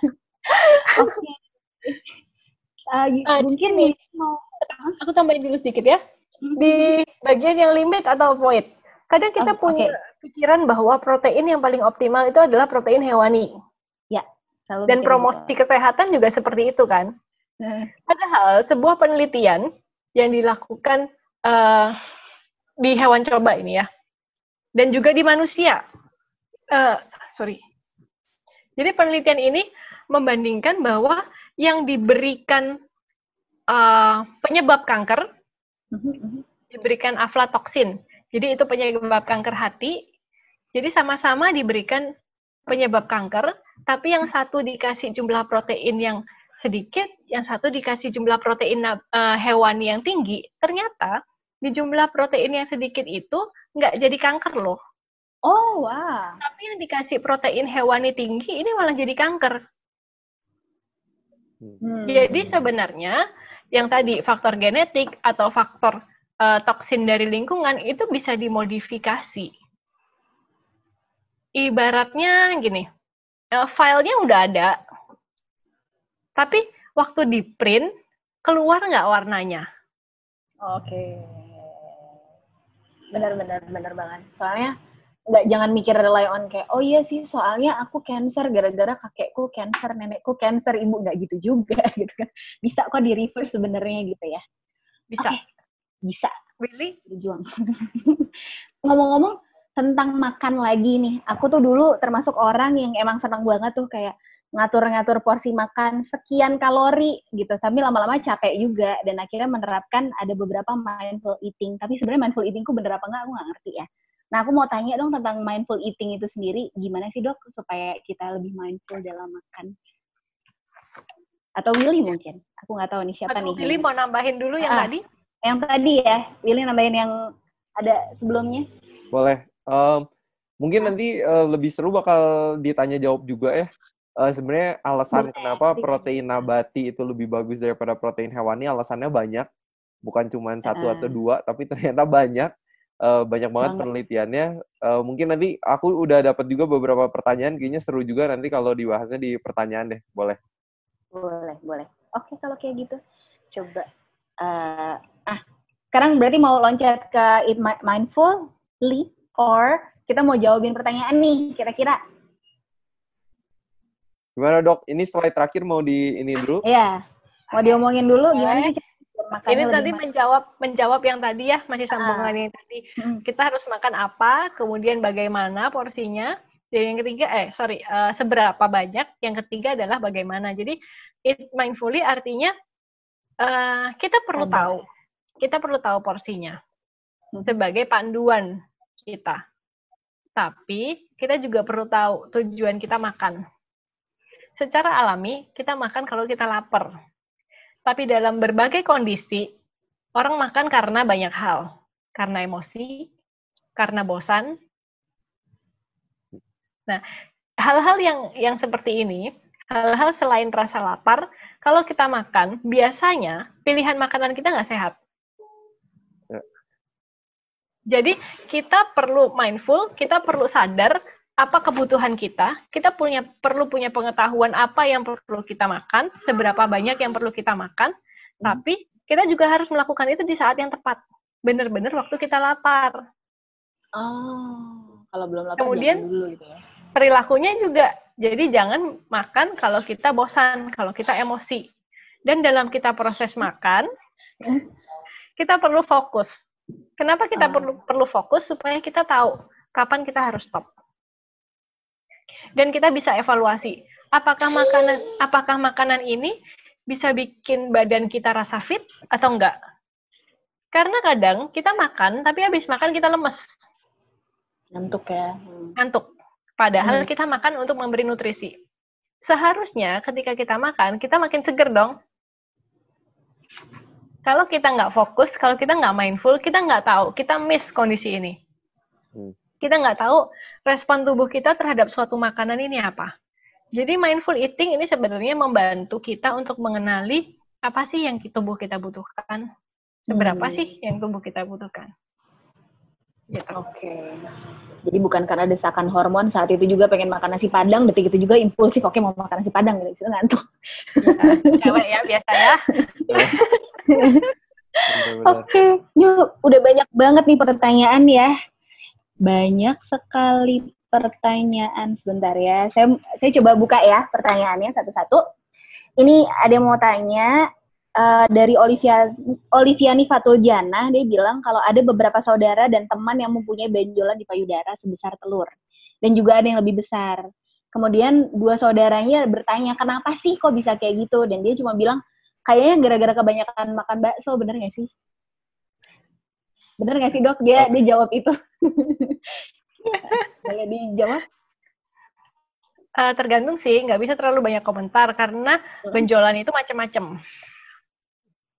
Jadi harus harus dievaluasi dulu secara medis benjolannya ini apa. Karena sebabnya pun juga macam-macam. Pola makan Sebaiknya- bisa jadi salah satu penyebab. Tapi kalau da- dalam kasus ini, ya saya pasti nggak bisa pastikan. Karena periksa, lihat aja enggak. Jadi eh, nggak bisa tahu. Cuman ya, ya memang iya. Kalau kita hidup lebih sehat, ya mungkin bisa nggak terjadi. Atau ini bisa terhindar. Oke, berarti sebenarnya pertama-tama saudaranya suruh cepet-cepet ke dokter buat periksa dulu gitu lah ya nomor Yes. satu. Itu konsultasi sama dokter Sylvia mungkin apa uh, Williona? Oke, Jadi Untuk masalah eh, bakso. mungkin nam- nambahin juga tuh dikit eh, kalau kayak kalau ngomongin kalau misalnya sampai itu kanker gitu ya. Eh, kanker soalnya eh, jadi apa apa maaf? kanker itu kalau misalnya sampai benjolan itu kanker, kanker itu kan multifaktorial. Jadi Oke. ada peran pola makan iya, seberapa kuat imunitas tubuh kita, apakah kita olahraga atau enggak, dari alkohol, Stres atau ya. enggak kita second hand smoking, apakah kita obesitas. Jadi eh, faktor resikonya itu banyak. Jadi kita nggak bisa pinpoint ya. kalau dari kanker itu itu salah satu penyakit yang sebenarnya menurut saya paling susah. Kita nggak bisa pinpoint gitu apa sih yang benar-benar menyebabkan kanker banget karena itu multifaktorial banget. Karena subconscious mental blockage juga bisa jadi uh, kanker sih sebenarnya kayak kita stres banget gara-gara masa lalu misalnya kita bisa jadi cancer ya. Itu juga bisa berpengaruh. Hmm. Tapi apakah hanya stres itu bisa merubah hmm. satu sel jadi sel kanker? Kita juga nggak tahu. Dan berubahnya tahu, ya. kapan sel sehat jadi sel kanker, kapan kita juga nggak tahu. Nah itu dia. Uh, ya, ya. masih masih masih nggak tahu. Coba aja cari tahu. Di tes beberapa kali tes tes diri gitu kali ya. Maksudnya tes ke ahlinya mungkin ya itu lebih bagus. Oke. Okay. nah balik lagi. Ada lagi nih. Ada pertanyaan selanjutnya. Katanya saya nggak tahu nih pertanyaan dari siapa. Katanya uh, sedang dia sedang persiapan program hamil dengan riwayat polip rahim dan penebalan dinding rahim yang sudah di histeroskopi Dokter menyarankan untuk konsumsi makanan tinggi serat dan tinggi asam amino dan putih telur yang sebanyak-banyaknya. Apakah pola makan tersebut tepat? Ada nggak masukan dari Pak Willy atau Dokter Sylvia? Mau duluan dok? Willy dulu coba. Oke. Jadi anjurannya tinggi serat bagus, bagus banget. Uh, ini ada penebalan juga eh, nggak uh, tahu nama diagnosisnya apa yang uh, mm -hmm. pasti uh, buat polip polip rahim ada polip rahim ya, berarti ya? Ah, dan penebalan dinding rahim. Nah, itu jadi um, pola makan serat itu uh, bagus banget karena tinggi penebalan dinding rahim itu juga banyak berhubungan sama hormon estrogen. Kalau misalnya kita banyak makan uh, terutama susu sapi dan lain-lain, itu juga banyak hormonnya di dalamnya. Itu salah satu alasannya kenapa susu sapi is not the best. Keju, yogurt, dan teman-temannya. Tapi kalau misalnya makanan tinggi uh, asam amino uh, khususnya disarankan banyak telur uh, banyak juga yang harus diperhatikan soal telur. Satu sat, uh, dalam satu butir telur itu kira-kira sudah ada 200 mg kolesterol itu nomor satu. Telur juga salah satu makanan yang paling banyak mengandung kolain dan karnitin yang dapat diubah menjadi TMAO di dalam tubuh kita Terus TMAO inilah yang merusak juga dinding-dinding pembuluh darah kita. Terus on the side note, kalau di Amerika yang menarik, uh, kalau aku misalnya punya perusahaan telur, aku tuh nggak bisa jualan telur dan bilang telur itu sehat. Kenapa? Karena definisi sehat di Amerika Serikat, satu serving makanan itu harus memiliki lebih kecil dari 90 mg kolesterol. Sedangkan telur itu tadi satu butirnya itu udah ada 200 mg kolesterol. Mungkin okay. itu dari aku. Ada tambahan, Dok? Iya, betul. Nggak cuma di Amerika, standar di Indonesia juga mengadopsi hal yang sama. Jadi standar kolesterolnya tetap sama. Jadi memang harus di bawah 90. Dan juga kita harus aware sama saturated fat. Kemudian, high fat diet juga mempengaruhi kadar hormon. Hormon wanita juga. Jadi ini juga bisa berperan dalam kondisi yang ibu hadapi. Kemudian, kalau yang bisa disarankan mungkin adalah selain kita konsumsi uh, banyak serat, kita juga bisa ambil asam aminonya dari protein nabati. Kenapa hmm. protein nabati? Karena protein nabati ini rendah lemak, rendah lemak jenuh, kemudian dia juga tinggi serat. Di saat yang sama juga memberikan asam amino yang baik, juga termasuk asam amino esensial yang juga dibutuhkan oleh tubuh. Jadi mungkin ini bisa jadi alternatif masukan untuk uh, pola makan yang khususnya untuk keadaan yang sedang dihadapi saat ini. Thank you for the answer. Ada lagi nih pertanyaannya nih. Boleh, Katanya boleh, boleh nanya as akar bos akar bose acar bose tulisannya aku nggak tahu. Akar bose, oke. Okay. Akar bos. Obat diabetes itu pengaruhnya apa sih? Satu, kata dia dia nanya sampai tiga loh. Terus habis itu kalau udah vegan dan plant based juga, apa masih bisa kena leaky gut? Terus yang ketiga, uh, saya mau nanya makanan nabati apa yang bisa menyehatkan persendian? Mungkin yang pertama akar bos dulu kali ya, nanya akar bos pengaruhnya apa sih? Oke. Okay. Billy yang lagi ngadepin diabetes. Ini satu-satu kali ya mungkin. Boleh. Siapa dulu? Siapa dulu? Aku passion banget sih soal diabetes karena kalau ngelihat diabetes tuh hope-nya tuh besar banget gitu dengan apa yang aku udah okay. lihat sendiri dan hmm. kalau obat sebenarnya jenis obat diabetes itu kan banyak juga ya uh, karena itu mm-hmm. target uh, di sel di dalam tubuhnya juga beda-beda. Apakah ngeblok gluconeogenesis, pembuatan gula di dalam darah atau dan yang lainnya.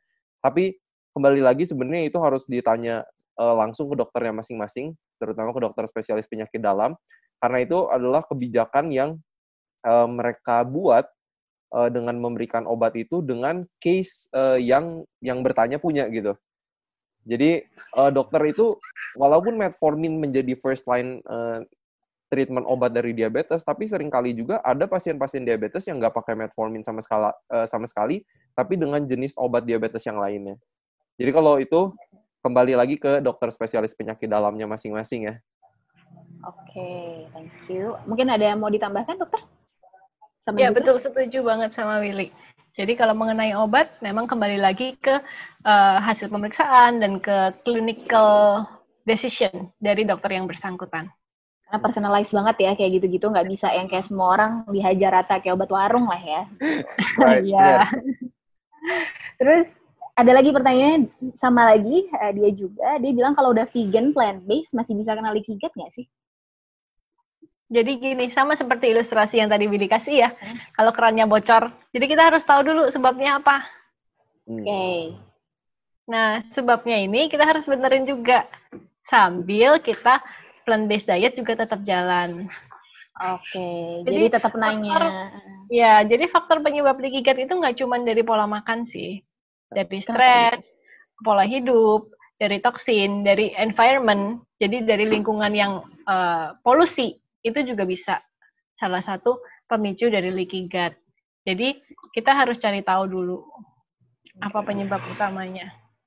Oke, jadi harus holistik lah kesehatan itu nggak cuma satu part aja ya. Right. Terus ada uh, lagi nih, Bu Dokter saya mau tanya dok, ini makanan nabati apa yang bisa menyehatkan persendian? sendinya kenapa dulu nih? Mesti nah, nanya dulu sendinya itu. kenapa ya, sakit apanya nih gitu kira-kira? Apakah mungkin pengapuran tulang atau apa? Kita kan nggak pernah tahu nih gitu. Hmm. Iya, jadi uh, mungkin kita perlu kembali ke konsepnya. Jadi pola makan sehat, plant-based diet itu bukan obat. Itu adalah dasar dasar hidup kita. Nah, di samping itu kalau kita punya keluhan, ya pergi ke dokter, dokter akan analisa, dikasih obat kalau perlu, tapi plant-based diet, pola hidup sehat ini tetap jalan. Hmm. Kita lagi kembali ke piramidnya yang tadi. Jadi dasarnya ini tetap ada. Ketika kita perlu, ya di terapi sesuai kondisi saat itu. Jadi nggak ada hal khusus harus makan uh, makanan nabati apa supaya sendinya sembuh, supaya sendinya nggak sakit. Nah itu nggak ada. Oke, baik. Terima hmm. kasih loh akhirnya. Dan Jadi mungkin, boleh diperiksain dulu. Jadi kalau kalau kayak gitu emang satu bener uh, karena sakit lutut kayak orang aja kalau orang ngomong, aduh saya pusing, pusing itu penyebabnya tuh banyak Aneh. banget gitu. kita juga gara-gara anak-anak lari-larian gitu bisa. iya kan, apakah itu tekanan darah rendah atau apa kan maksudnya banyak banget. Uh, tapi setuju banget yang kayak dokter. Uh, mungkin aku mau sharing ini aja sih. Kadang sering kali kita tuh mindsetnya tuh masih ngejagoin satu makanan. Jadi kayak hmm. ini superfoodnya apa sih buat nyembuhin lutut saya? Superfoodnya apa sih untuk menyembuhkan uh, mah saya misalnya gitu. Tapi kita tuh nyaraninnya tuh comprehensive lifestyle changes kan. Jadi makan makanan nabati yang beragam, yang bervariasi, bukan cuman kayak oh ini ubi bagus buat lutut, ubi aja gitu terus kan. Jadi semoga mindsetnya kita bisa berubah juga gitu. Thank you. Oke, okay, thank you buat penjelasannya. Ada lagi another Oke. Okay. Oh ini nih, aku agak bingung nih. Sama sebenarnya jawabannya hampir sama sih. Katanya makanan apa yang paling tepat untuk penderita ginjal bolor. Saya nggak tahu bolor itu apa, dok. Mungkin ada istilah ginjal bolor. Mungkin pertanyaannya sama ya. Apa jawabannya hampir sama tadi ya? Apakah benar? Uh, ya kan? Ya, kayak... Saya juga nggak tahu sih istilah itu, tapi ya jawabannya sama sih. Sama. Kurang lebih. Jadi ya makan sehat tetap harus, pola hidup harus dirubah, tapi di sisi lain kalau memang ternyata dibutuhkan obat, ya udah konsumsilah obat gitu ya. Betul. Nah, ada lagi nih, kalau dia makan legumes atau polong-polongan, haruskah di, dikombinasikan dengan whole grains untuk protein yang komplit? Apakah cukup dengan polong-polongan saja atau harus pakai whole grains dulu gitu biar komplit? Terus whole grains, biji-bijian utuh, serealia. Serealia itu ya? Iya, utuh. ya. Silakan dong. tuh penjelasannya? Silakan. Mungkin bisa ditunjukin ke um, piring nabati kita, Will. Oke, okay, ya. kita lihat piring nabati. Ya. Jadi uh, itu nggak bisa dipisah-pisahkan. Kita makan juga pasti komplit. Jadi harus komplit uh, ininya kelompok bahan pangannya. Jadi hmm. di piring ini bisa dilihat ada porsi untuk untuk serealia utuh, ada porsi untuk legumes. Nah, hmm. sebagai sumber karbohidrat utama, kita perlu serealia. Serealia seperti apa? Atau karbohidrat seperti apa? Yang disarankan adalah serealia utuh atau karbohidrat kompleks. Nah, polong-polongan legumes itu ada di mana sih? Porsinya itu untuk terutama untuk memenuhi kebutuhan protein. Walau kita tidak bisa menganggap makanan itu sama dengan obat. Jadi gini, dalam satu bahan makanan kita nggak bisa samakan dengan satu zat gizi. Misalkan polong-polongan sama dengan protein. Nah, kita nggak bisa samakan seperti itu. Karena dalam polong, itu dia juga mengandung karbohidrat, mengandung serat, mengandung lemak, mengandung protein, juga mengandung uh, vitamin dan mineral. Jadi makanan tidak bisa dipersepsikan sama seperti zat gizi, sama seperti obat atau suplemen. Jadi makan itu satu satu bahan makanan gizinya banyak di dalamnya. Nah, kita perlu gizi yang seimbang. Ini sama kembali mengacu ke pola makan seimbang yang juga direkomendasikan oleh semua negara di dunia termasuk di Indonesia. Di sini ada porsi untuk serealia, tapi ada juga porsi untuk legumes. Jadi ketika kita sudah makan legumes, perlu nggak makan serealia? Ya perlu. Ya perlu. Karena porsinya sendiri-sendiri gitu. Ah, oke okay. Berarti maaf ya kalau ada penganut keto diet sebenarnya itu agak salah sebenarnya persepsinya ya.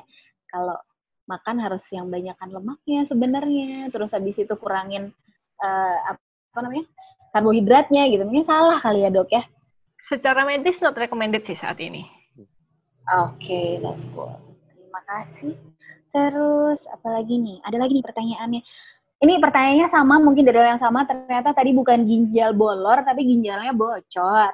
Oh. oh. mungkin mau dijawab sedikit aja mungkin dok mungkin soalnya dia masih penasaran nih kayaknya. Walaupun tadi kita udah bilang yang dua hal itu.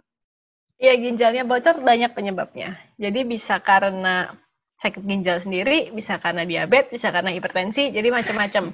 Jadi tetap kita harus tutup dulu kerannya. Sambil pada saat yang sama kita ubah pola hidup. Jadi harus cari tahu dulu dasarnya ini apa sih? Penyebabnya ini apa sih sampai ginjalnya bisa seperti itu. Oke. Okay. Sama mungkin tambahin ya. tambahin itu sedikit kalau misalnya udah gagal ginjal uh, harus dilihat juga stage-nya uh, di tingkat berapa. Karena itu kan Betul. kemampuan untuk uh, mencerna mencerna uh, proteinnya, fosforusnya, potasiumnya itu bakal beda-beda banget uh, dan itu harus sangat dicoba. Jadi sekarang lagi mau coba juga di di rumah sakit ada satu pasien gagal ginjal yang kita mau coba dengan plant based diet karena mulai banyak penelitiannya uh, apakah ginjalnya itu bisa membaik atau enggak. Tapi harus oh. itu harus benar-benar uh, under supervision banget karena nggak uh, main-main sih kalau misalnya sampai salah gitu. Ikutin aja podcastnya Willy Yonas ya nanti akan di share juga di uh, salah satu PDF kita itu ada linknya. Jadi mungkin penelitiannya bakal di share di situ ya nggak Willy? Nanti case-nya mungkin kalau udah kita coba kita kita bagian deh.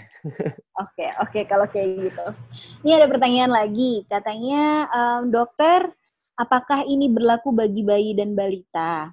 Kebetulan anak saya umur 2 tahun doyan makan sayur dan buah berat badannya sih ideal. Apakah tetap diperbanyak protein hewani sesuai DSA? Uh, eh, apakah harus diperbanyak protein hewaninya sesuai DSA? Tanda tanya. Karena kan dia masih masih kecil nih, gitu kan? Takutnya salah nih uh, kalau misalkan menerapkan itu pada anak-anak. Terus ada yang kedua, apakah sumber kalsium dari pola makan nabati whole foods cukup atau perlu plant milk yang difortifikasi atau suplementasi? Jadi ada dua tuh. Satu, beneran bisa buat anak kecil nggak sih plant based ini whole food? Satunya lagi, apakah sumber kalsium dari pola makan nabati udah cukup atau masih tetap perlu minuman kayak susu uh, almond atau apa pun yang difortifikasi? Gitu, boleh dijawab? Oke, okay. saya coba jawab pertanyaan yang pertama dulu ya. Pola makan ya. nabati ini anak saya juga plant based sejak di kandungan. Oh, wow. Pola makan nabati ini uh, bisa aman dilakukan untuk segala usia termasuk bayi dan anak-anak. Tapi dengan catatan perlu diatur dengan baik. Jadi orang tuanya juga perlu punya pengetahuan apa sih yang harus diberikan. Kita nggak akan bahas dalam di sini karena itu uh, deep banget. Semoga next time kolaborasi saya sama Willy dan sama satu dokter anak bisa menghasilkan Mungkin kita akan bahas uh, lagi panduan ya. plan des untuk anak-anak ya. Jadi okay. untuk saat ini saya bisa bilang bahwa itu aman. Okay, aman untuk dilakukan, tapi tetap tidak bisa disamakan dengan uh, orang dewasa. Karena kebutuhan nutrisi anak itu berbeda. Jadi hmm. piring nabati yang tadi yang ada di ibu jangan langsung semata-mata diaplikasikan ke anak-anak. Karena oh. berbeda. Karena okay. berbeda. Jadi sistem pencernaannya, kebutuhan nutrisinya itu juga berbeda. Jadi nggak bisa langsung diterapkan. Tapi okay. aman. Boleh. Nggak akan kurang gizi lah ya. Nggak akan kurang gizi. Nggak akan kurang gizi. Tapi ya itu harus dipelajari lebih lanjut. Kemudian pertanyaan yang kedua, Apakah sumber kalsium dari pola makan nabati sudah cukup atau perlu susu? Lagi susunya tapi plant based ya? Ya, plant based milk itu termasuk dari salah satu uh, bahan makanan yang ada di piring nabati tadi ya, Bill ya. Jadi hmm. ada ada sumber kalsium di situ, ada gelas kalau nggak salah di situ. Nah, yang difortifikasi bisa jadi salah satu sumber kalsium. Kalau kita nggak yakin bisa memenuhi dari makanan nabati yang bukan fortifikasi. Hmm, oke, okay, Jadi kita melakukan plant based juga kita harus perlu penuhi kebutuhan gizinya, apalagi anak-anak. Jangan sampai anak-anak itu jadi gagal tumbuh atau kurang gizi. Hmm. Jadi kalau itu fortified, makanan fortifikasi boleh dikasih untuk memenuhi kebutuhan itu. Kalau kita tidak yakin bahwa makanan-makanan kita ini udah cukup buat anak. Tapi kalau tanda anaknya kurus tapi aktif, orang masih mikir, ih anaknya kurus, aktif, vegan, kurang gizi, jangan-jangan. Enggak juga, kalau udah aktif dan cerdas itu bukan kurang gizi sebenarnya. Uh, Karena kalau... Semuanya terukur. Terukur gimana tuh dok? Semua terukur. Jadi ada ada tumbuh kembang. Kita punya chart pertumbuhan dan perkembangan anak. Hmm, Jadi ya kita harus balik ke situ lagi. Jangan jangan merasa anaknya aktif terus pasti gizinya cukup. Jangan pasti gendut juga terus. Jangan merasa anaknya gendut terus merasa gizinya baik belum iya. tentu. Ya, karena ya, ya. zat gizi itu ada yang nggak bisa dilihat dari uh, penampilan aja. Uh, ya, terutama zat gizi mikro. Jadi uh, pemantauan secara berkala pertumbuhan perkembangan dan juga kadar zat gizi dalam darah misalkan kadar kadar vitamin B12 kadar vitamin D dalam darah itu uh, kata kadar zat besi dalam darah itu juga perlu dilakukan secara berkala untuk kita memastikan bahwa kebutuhan kita ini benar-benar cukup. Jadi jangan cuman kita berandai-andai atau kita merasa tanpa ada bukti. Benar banget. Kalau kita cuman merasa, itu ada dua kemungkinan. Kita terlalu eh. pede atau kita terlalu khawatir. Iya, iya, iya. Biasanya ibu-ibu kayak gitu. Iya, ada, iya. ada dua macam ibu-ibu, karena saya ibu-ibu ya ada dua macam terlalu pede merasa oh semua baik-baik aja uh-huh. atau terlalu khawatir jangan-jangan dia kurang jangan-jangan begini daripada kita menerawang sendiri ya periksa aja yang lebih pasti oke okay. Hmm. nice terima kasih atas oh mungkin Willy mau nambahin makasih jawabannya dokter itu nambahin juga uh, jadi Contoh uh, kemarin saya baru ngomong sama ngobrol sama salah satu kayak non profit organization yang membantu hmm? gerakan stunting di Indonesia karena stunting yang anak-anak yang pertumbuhan nggak maksimal pun masih banyak kan di Indonesia dan mereka tuh nggak nggak nggak plan based loh gitu kan. Nah, uh, yang menarik yang mereka temukan karena mereka itu langsung uh, ke kampung-kampung dan banyak tempat, yang menarik mereka menemukan anak-anak ini yang stunting itu anak-anak yang kenyang, bukan anak-anak yang kelaparan mereka kenyang tapi kecukupan gizinya nggak terpenuhi. Salah satu alasannya Terus, karena terlalu banyak makan makanan bungkusan. Uh, kalori kosong ya. Ya, kalori eh, makanan-makanan bungkusan, makanan-makanan proses itu berkalori tapi nggak nutrient dense. Uh, nutrisinya tuh nggak padat gitu sama mineral, uh. vitamin gitu di dalamnya. Mungkin itu dikit tambahan. Soalnya pernah denger juga stunting diakibatkan anak-anak nggak minum susu dan itu salah sebenarnya. Maksudnya nggak minum susu hewani gitu tuh salah banget sebenarnya. That oh ya nanti kita bakal another subject ya. Mungkin ada topik selanjutnya yang akan dibahas ya dokter ya sama Willy ya. Gitu. Amin. Ini ada lagi pertanyaan, apakah Bell's palsy bisa diobati dengan plant-based diet? Jujur kalau saya, mungkin saya jawab, uh, jujur saya belum pernah baca research-nya uh, mendalami lebih banyak soal Bell's palsy, jadi uh, saya nggak berani ngomong dulu sih. Oke. Okay. Ya, saya juga nggak pernah sih. Jadi Bell's palsy okay. ini gangguan di saraf ya karena inflamasi oh. saraf sampai sekarang penyebabnya juga uh, belum tahu pasti. Jadi untuk penanganannya biasanya kita kasih untuk meredakan inflamasinya. Okay. Dan juga kalau... terapi. Terapi uh, fisioterapi hmm. sih biasanya. Tapi untuk dari segi makanan sorry belum bisa jawab. Oke. Okay. Tapi kalau misalnya mak uh, tetap dikasih plan based diet, nggak apa-apa cuma buat sehat aja badannya. Tapi apakah itu akan mengobati kita nggak tahu gitu ya. Hmm. Oke. Okay. Terus ada lagi nih, wah ini kayaknya jawabannya udah yang tadi mindful eating. Katanya mau nanya cara mengatur porsi dan makronutriensnya gimana sih? Terus apakah harus ditimbang makanannya? Terus terus kalau nasinya diganti oatmeal boleh nggak ya? apa lebih lebih sehat nggak gitu kira-kira boleh ada yang jawab? Kalau itu mungkin aku bisa bantu jawab. Jadi oatmeal menggantikan nasi itu boleh banget. Sekali lagi itu kan masih kelompok whole grains ya. Whole grains Uh, dan nanti kalau untuk porsi juga uh, silahkan dibaca di buku ebook yang sebentar lagi nih akan kita bagiin nanti uh, kasih linknya ya supaya teman-teman bisa download di Google Drive. Nanti kalau misalnya ada pertanyaan setelah baca buku, nanti Mangga boleh nge-DM DM saya di Instagram. Nanti nanti juga saya dengan senang hati akan membalasnya. Oh, oke. Okay. Ini um, ada yang mau nanya lagi. Oh, katanya ternyata ada yang nggak bisa lihat chat ya. Ini di kita private ya, emang sengaja ya, Willy ya? Ya.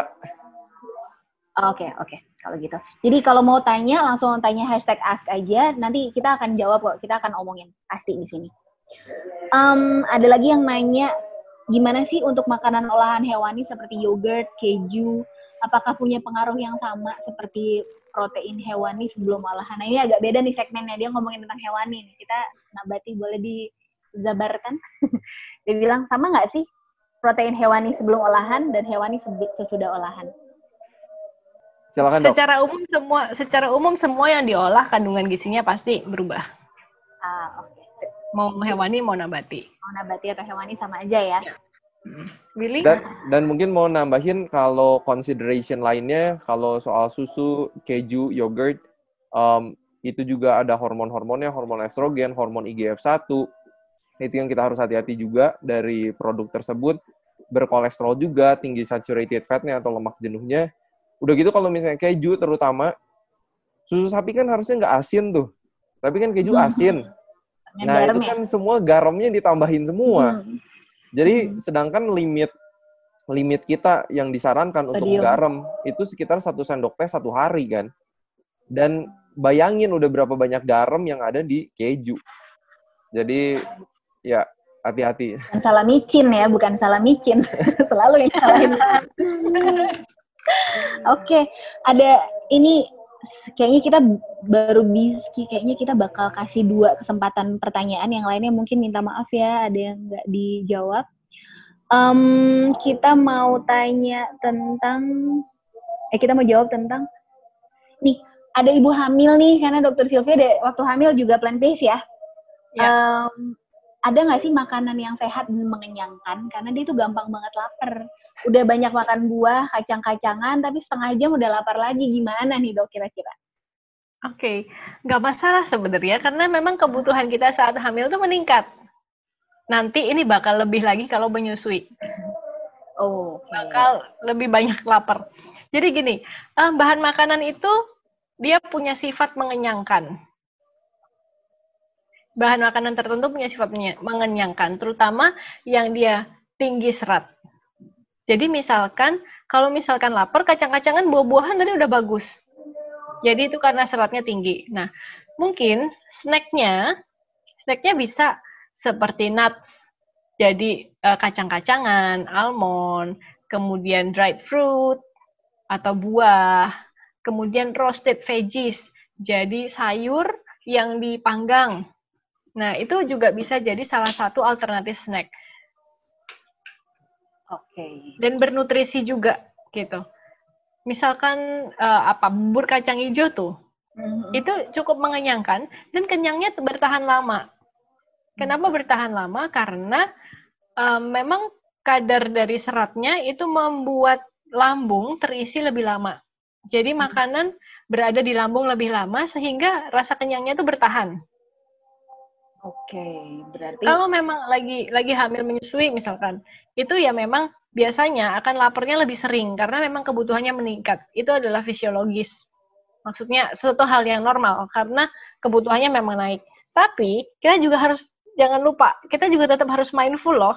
Laparnya ini lapar mata atau lapar beneran? yes. Stres juga ya, bisa stres juga ya. yang lapar gitu.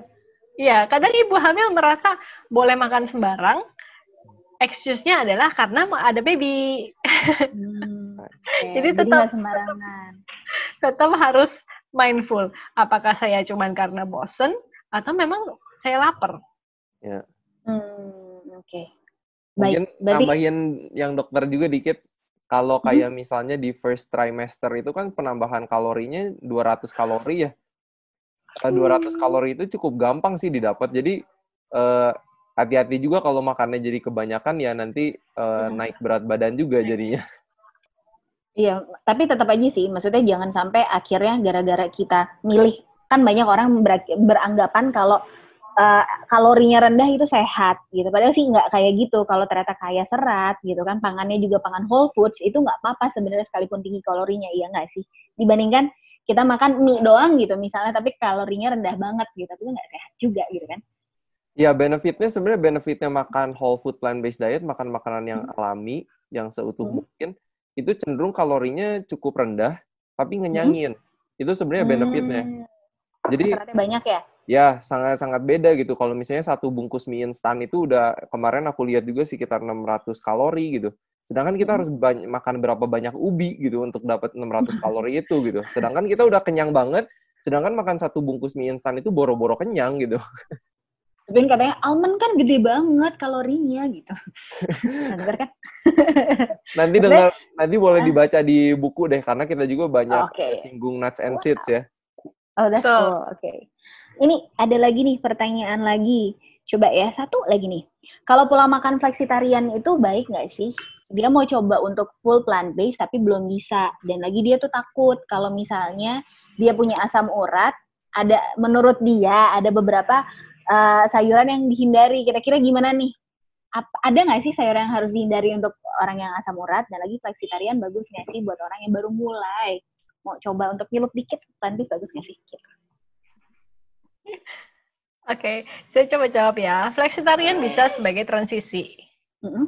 Jadi seperti saya tadi bilang, one step at a time. Paling enggak, kalau belum bisa full uh, whole food plant based, tambahlah bahan makanan nabatinya substitusi uh, bahan bahan hewani dengan bahan nabati. Perbanyak makan sayur, makan buah, makan makan whole grain itu bisa jadi step. Jadi progres tiap orang akan beda-beda. Jadi kalau masih bisanya fleksitarian ya it's okay, jalanin dulu. Yang penting kita sudah tahu yang baik seperti apa, yang direkomendasikan seperti apa. Kemudian untuk yang asam urat, kita perlu tahu dulu kadar asam urat yang tinggi ini sebabnya apa? Karena kandungan makanan itu tinggi purin. Nah, purin ini nih sebenarnya sumber paling tingginya adalah di bahan makanan hewani. Bukan sayuran dan kacang-kacang. sayuran. Oh, salah kan. ya. Banyak orang mikir gara-gara makan kangkung ya. Itu kambing hitam. right. Bayam atau enggak? Jadi sebenarnya uh, itu adalah kambing hitam karena kadar purin yang tinggi itu adalah di daging-dagingan, diunggas di jeroan. Nah, Willy oh. udah pernah rilis podcast tentang asam urat. Jadi mungkin Willy bisa singgung sedikit di sini. Nanti hmm, sisanya boleh. dengarkan di podcastnya Willy. Oke. Okay. Boleh. Nah. Jadi eh, bisa di didengerin di podcast. Aku uh, going through apa ya banyak research juga. Uh, jadi itu udah komprehensif sih kalau menurut aku udah cukup komprehensif dan akan menjawab pertanyaan. Jadi selamat mendengarkan aja. Selamat Dan nanti linknya akan ada, kita bagikan drive-nya. Uh, nih, kita tambahin cuma satu aja selesai. Ini sebenarnya, hmm, oke, okay, ada. Ini kenapa saya pilih karena memang sebenarnya lucu sih. Dia bilang kayak gini. Banyak yang nanya juga sama saya karena saya vegan. Dia bilang kalau kenapa sih abis mencoba makanan plant based sering banget buang air besar. Gitu. Apakah ini salah? Dan sering banget mengeluarkan gas sih katanya sih banyak. Salah nggak sih cara mak makannya atau pencernaan kita nggak biasa? Boleh dijawab. Mau jawab duluan dok? Kak Willy. Oke jadi jadi buang air besar yang normal itu harusnya memang sesering seberapa kali kita makan. Kalau kita makan tiga kali sehari, ya itu yang normal. Uh, sedangkan banyaknya kan orang satu hari satu kali sehari gitu kan. Dan uh, kerasa banget banyak banget penelitiannya juga bahwa orang-orang yang vegan atau makan plant based diet emang buang air besarnya itu lebih sering. Dan itu bagus. Kenapa? Karena uh, transit time jadi lamanya makanan menginap di usus kita itu lebih bentar kan dan itu tuh mengurangi hmm. resiko kanker usus besar banget sangat okay. sangat uh, udah gitu kalau misalnya bergas nah ini uh, harus hati-hatinya sama plant based diet karena ketika kita langsung banyak makan serat terutama legumes ya kacang merah, kacang hijau, chickpea, black beans, garbanzo itu itu uh, banyak banget seratnya tinggi banget bakteri usus kita belum siap menerima yang banyak ah. banget akhirnya mereka menghasilkan gas. Jadi caranya itu untuk mengurangi gasnya direndam dulu ya. Nanti juga ada di resep-resep uh, aku kalau nggak salah ada juga uh, caranya direndam dulu apakah semalaman udah gitu baru dimasak atau enggak memperkenalkan beans atau legumes itu pelan-pelan. Jadi misalnya oh, pagi ini ya. uh, satu sendok makan kacang merah. Coba dites bergas nggak? Kalau misalnya aman nanti seminggu kayak gitu minggu kedua ditambah misalnya jadi satu setengah sendok makan atau jadi dua sendok makan hmm. terus dites lagi bergas atau enggak jadi bakteri hmm. ususnya tuh adaptasi nggak kaget dengan tiba-tiba langsung banyak serat gitu hmm. ya setuju banget sih memang proses adaptasi itu perlu termasuk untuk bakteri usus kita. Nanti di ebook ada tipsnya bagaimana supaya untuk mengurangi gasnya. Jadi perendaman, kemudian sprouting, kemudian proses masak itu juga bisa mengurangi uh, timbulnya gas. Karena gas itu sendiri sebenarnya adalah hal normal hasil dari produksi uh, hasil metabolisme yang dilakukan oleh bakteri usus. Tapi kan memang bisa mengganggu. Jadi memang kita harus step by step. Thank you semuanya yang udah hadir dan thank you welcome in a vegan family. jadi uh, terima kasih untuk semua yang udah jadi partisipan dan uh, silahkan di download bukunya dan di download PDF-nya. Semoga acara ini bermanfaat dan kalau ada another session jangan lupa untuk ikutan juga karena uh, semoga juga bermanfaat. Thank you. Jangan lupa download ya. Bye. Thank you semua. Bye. Thank you semuanya.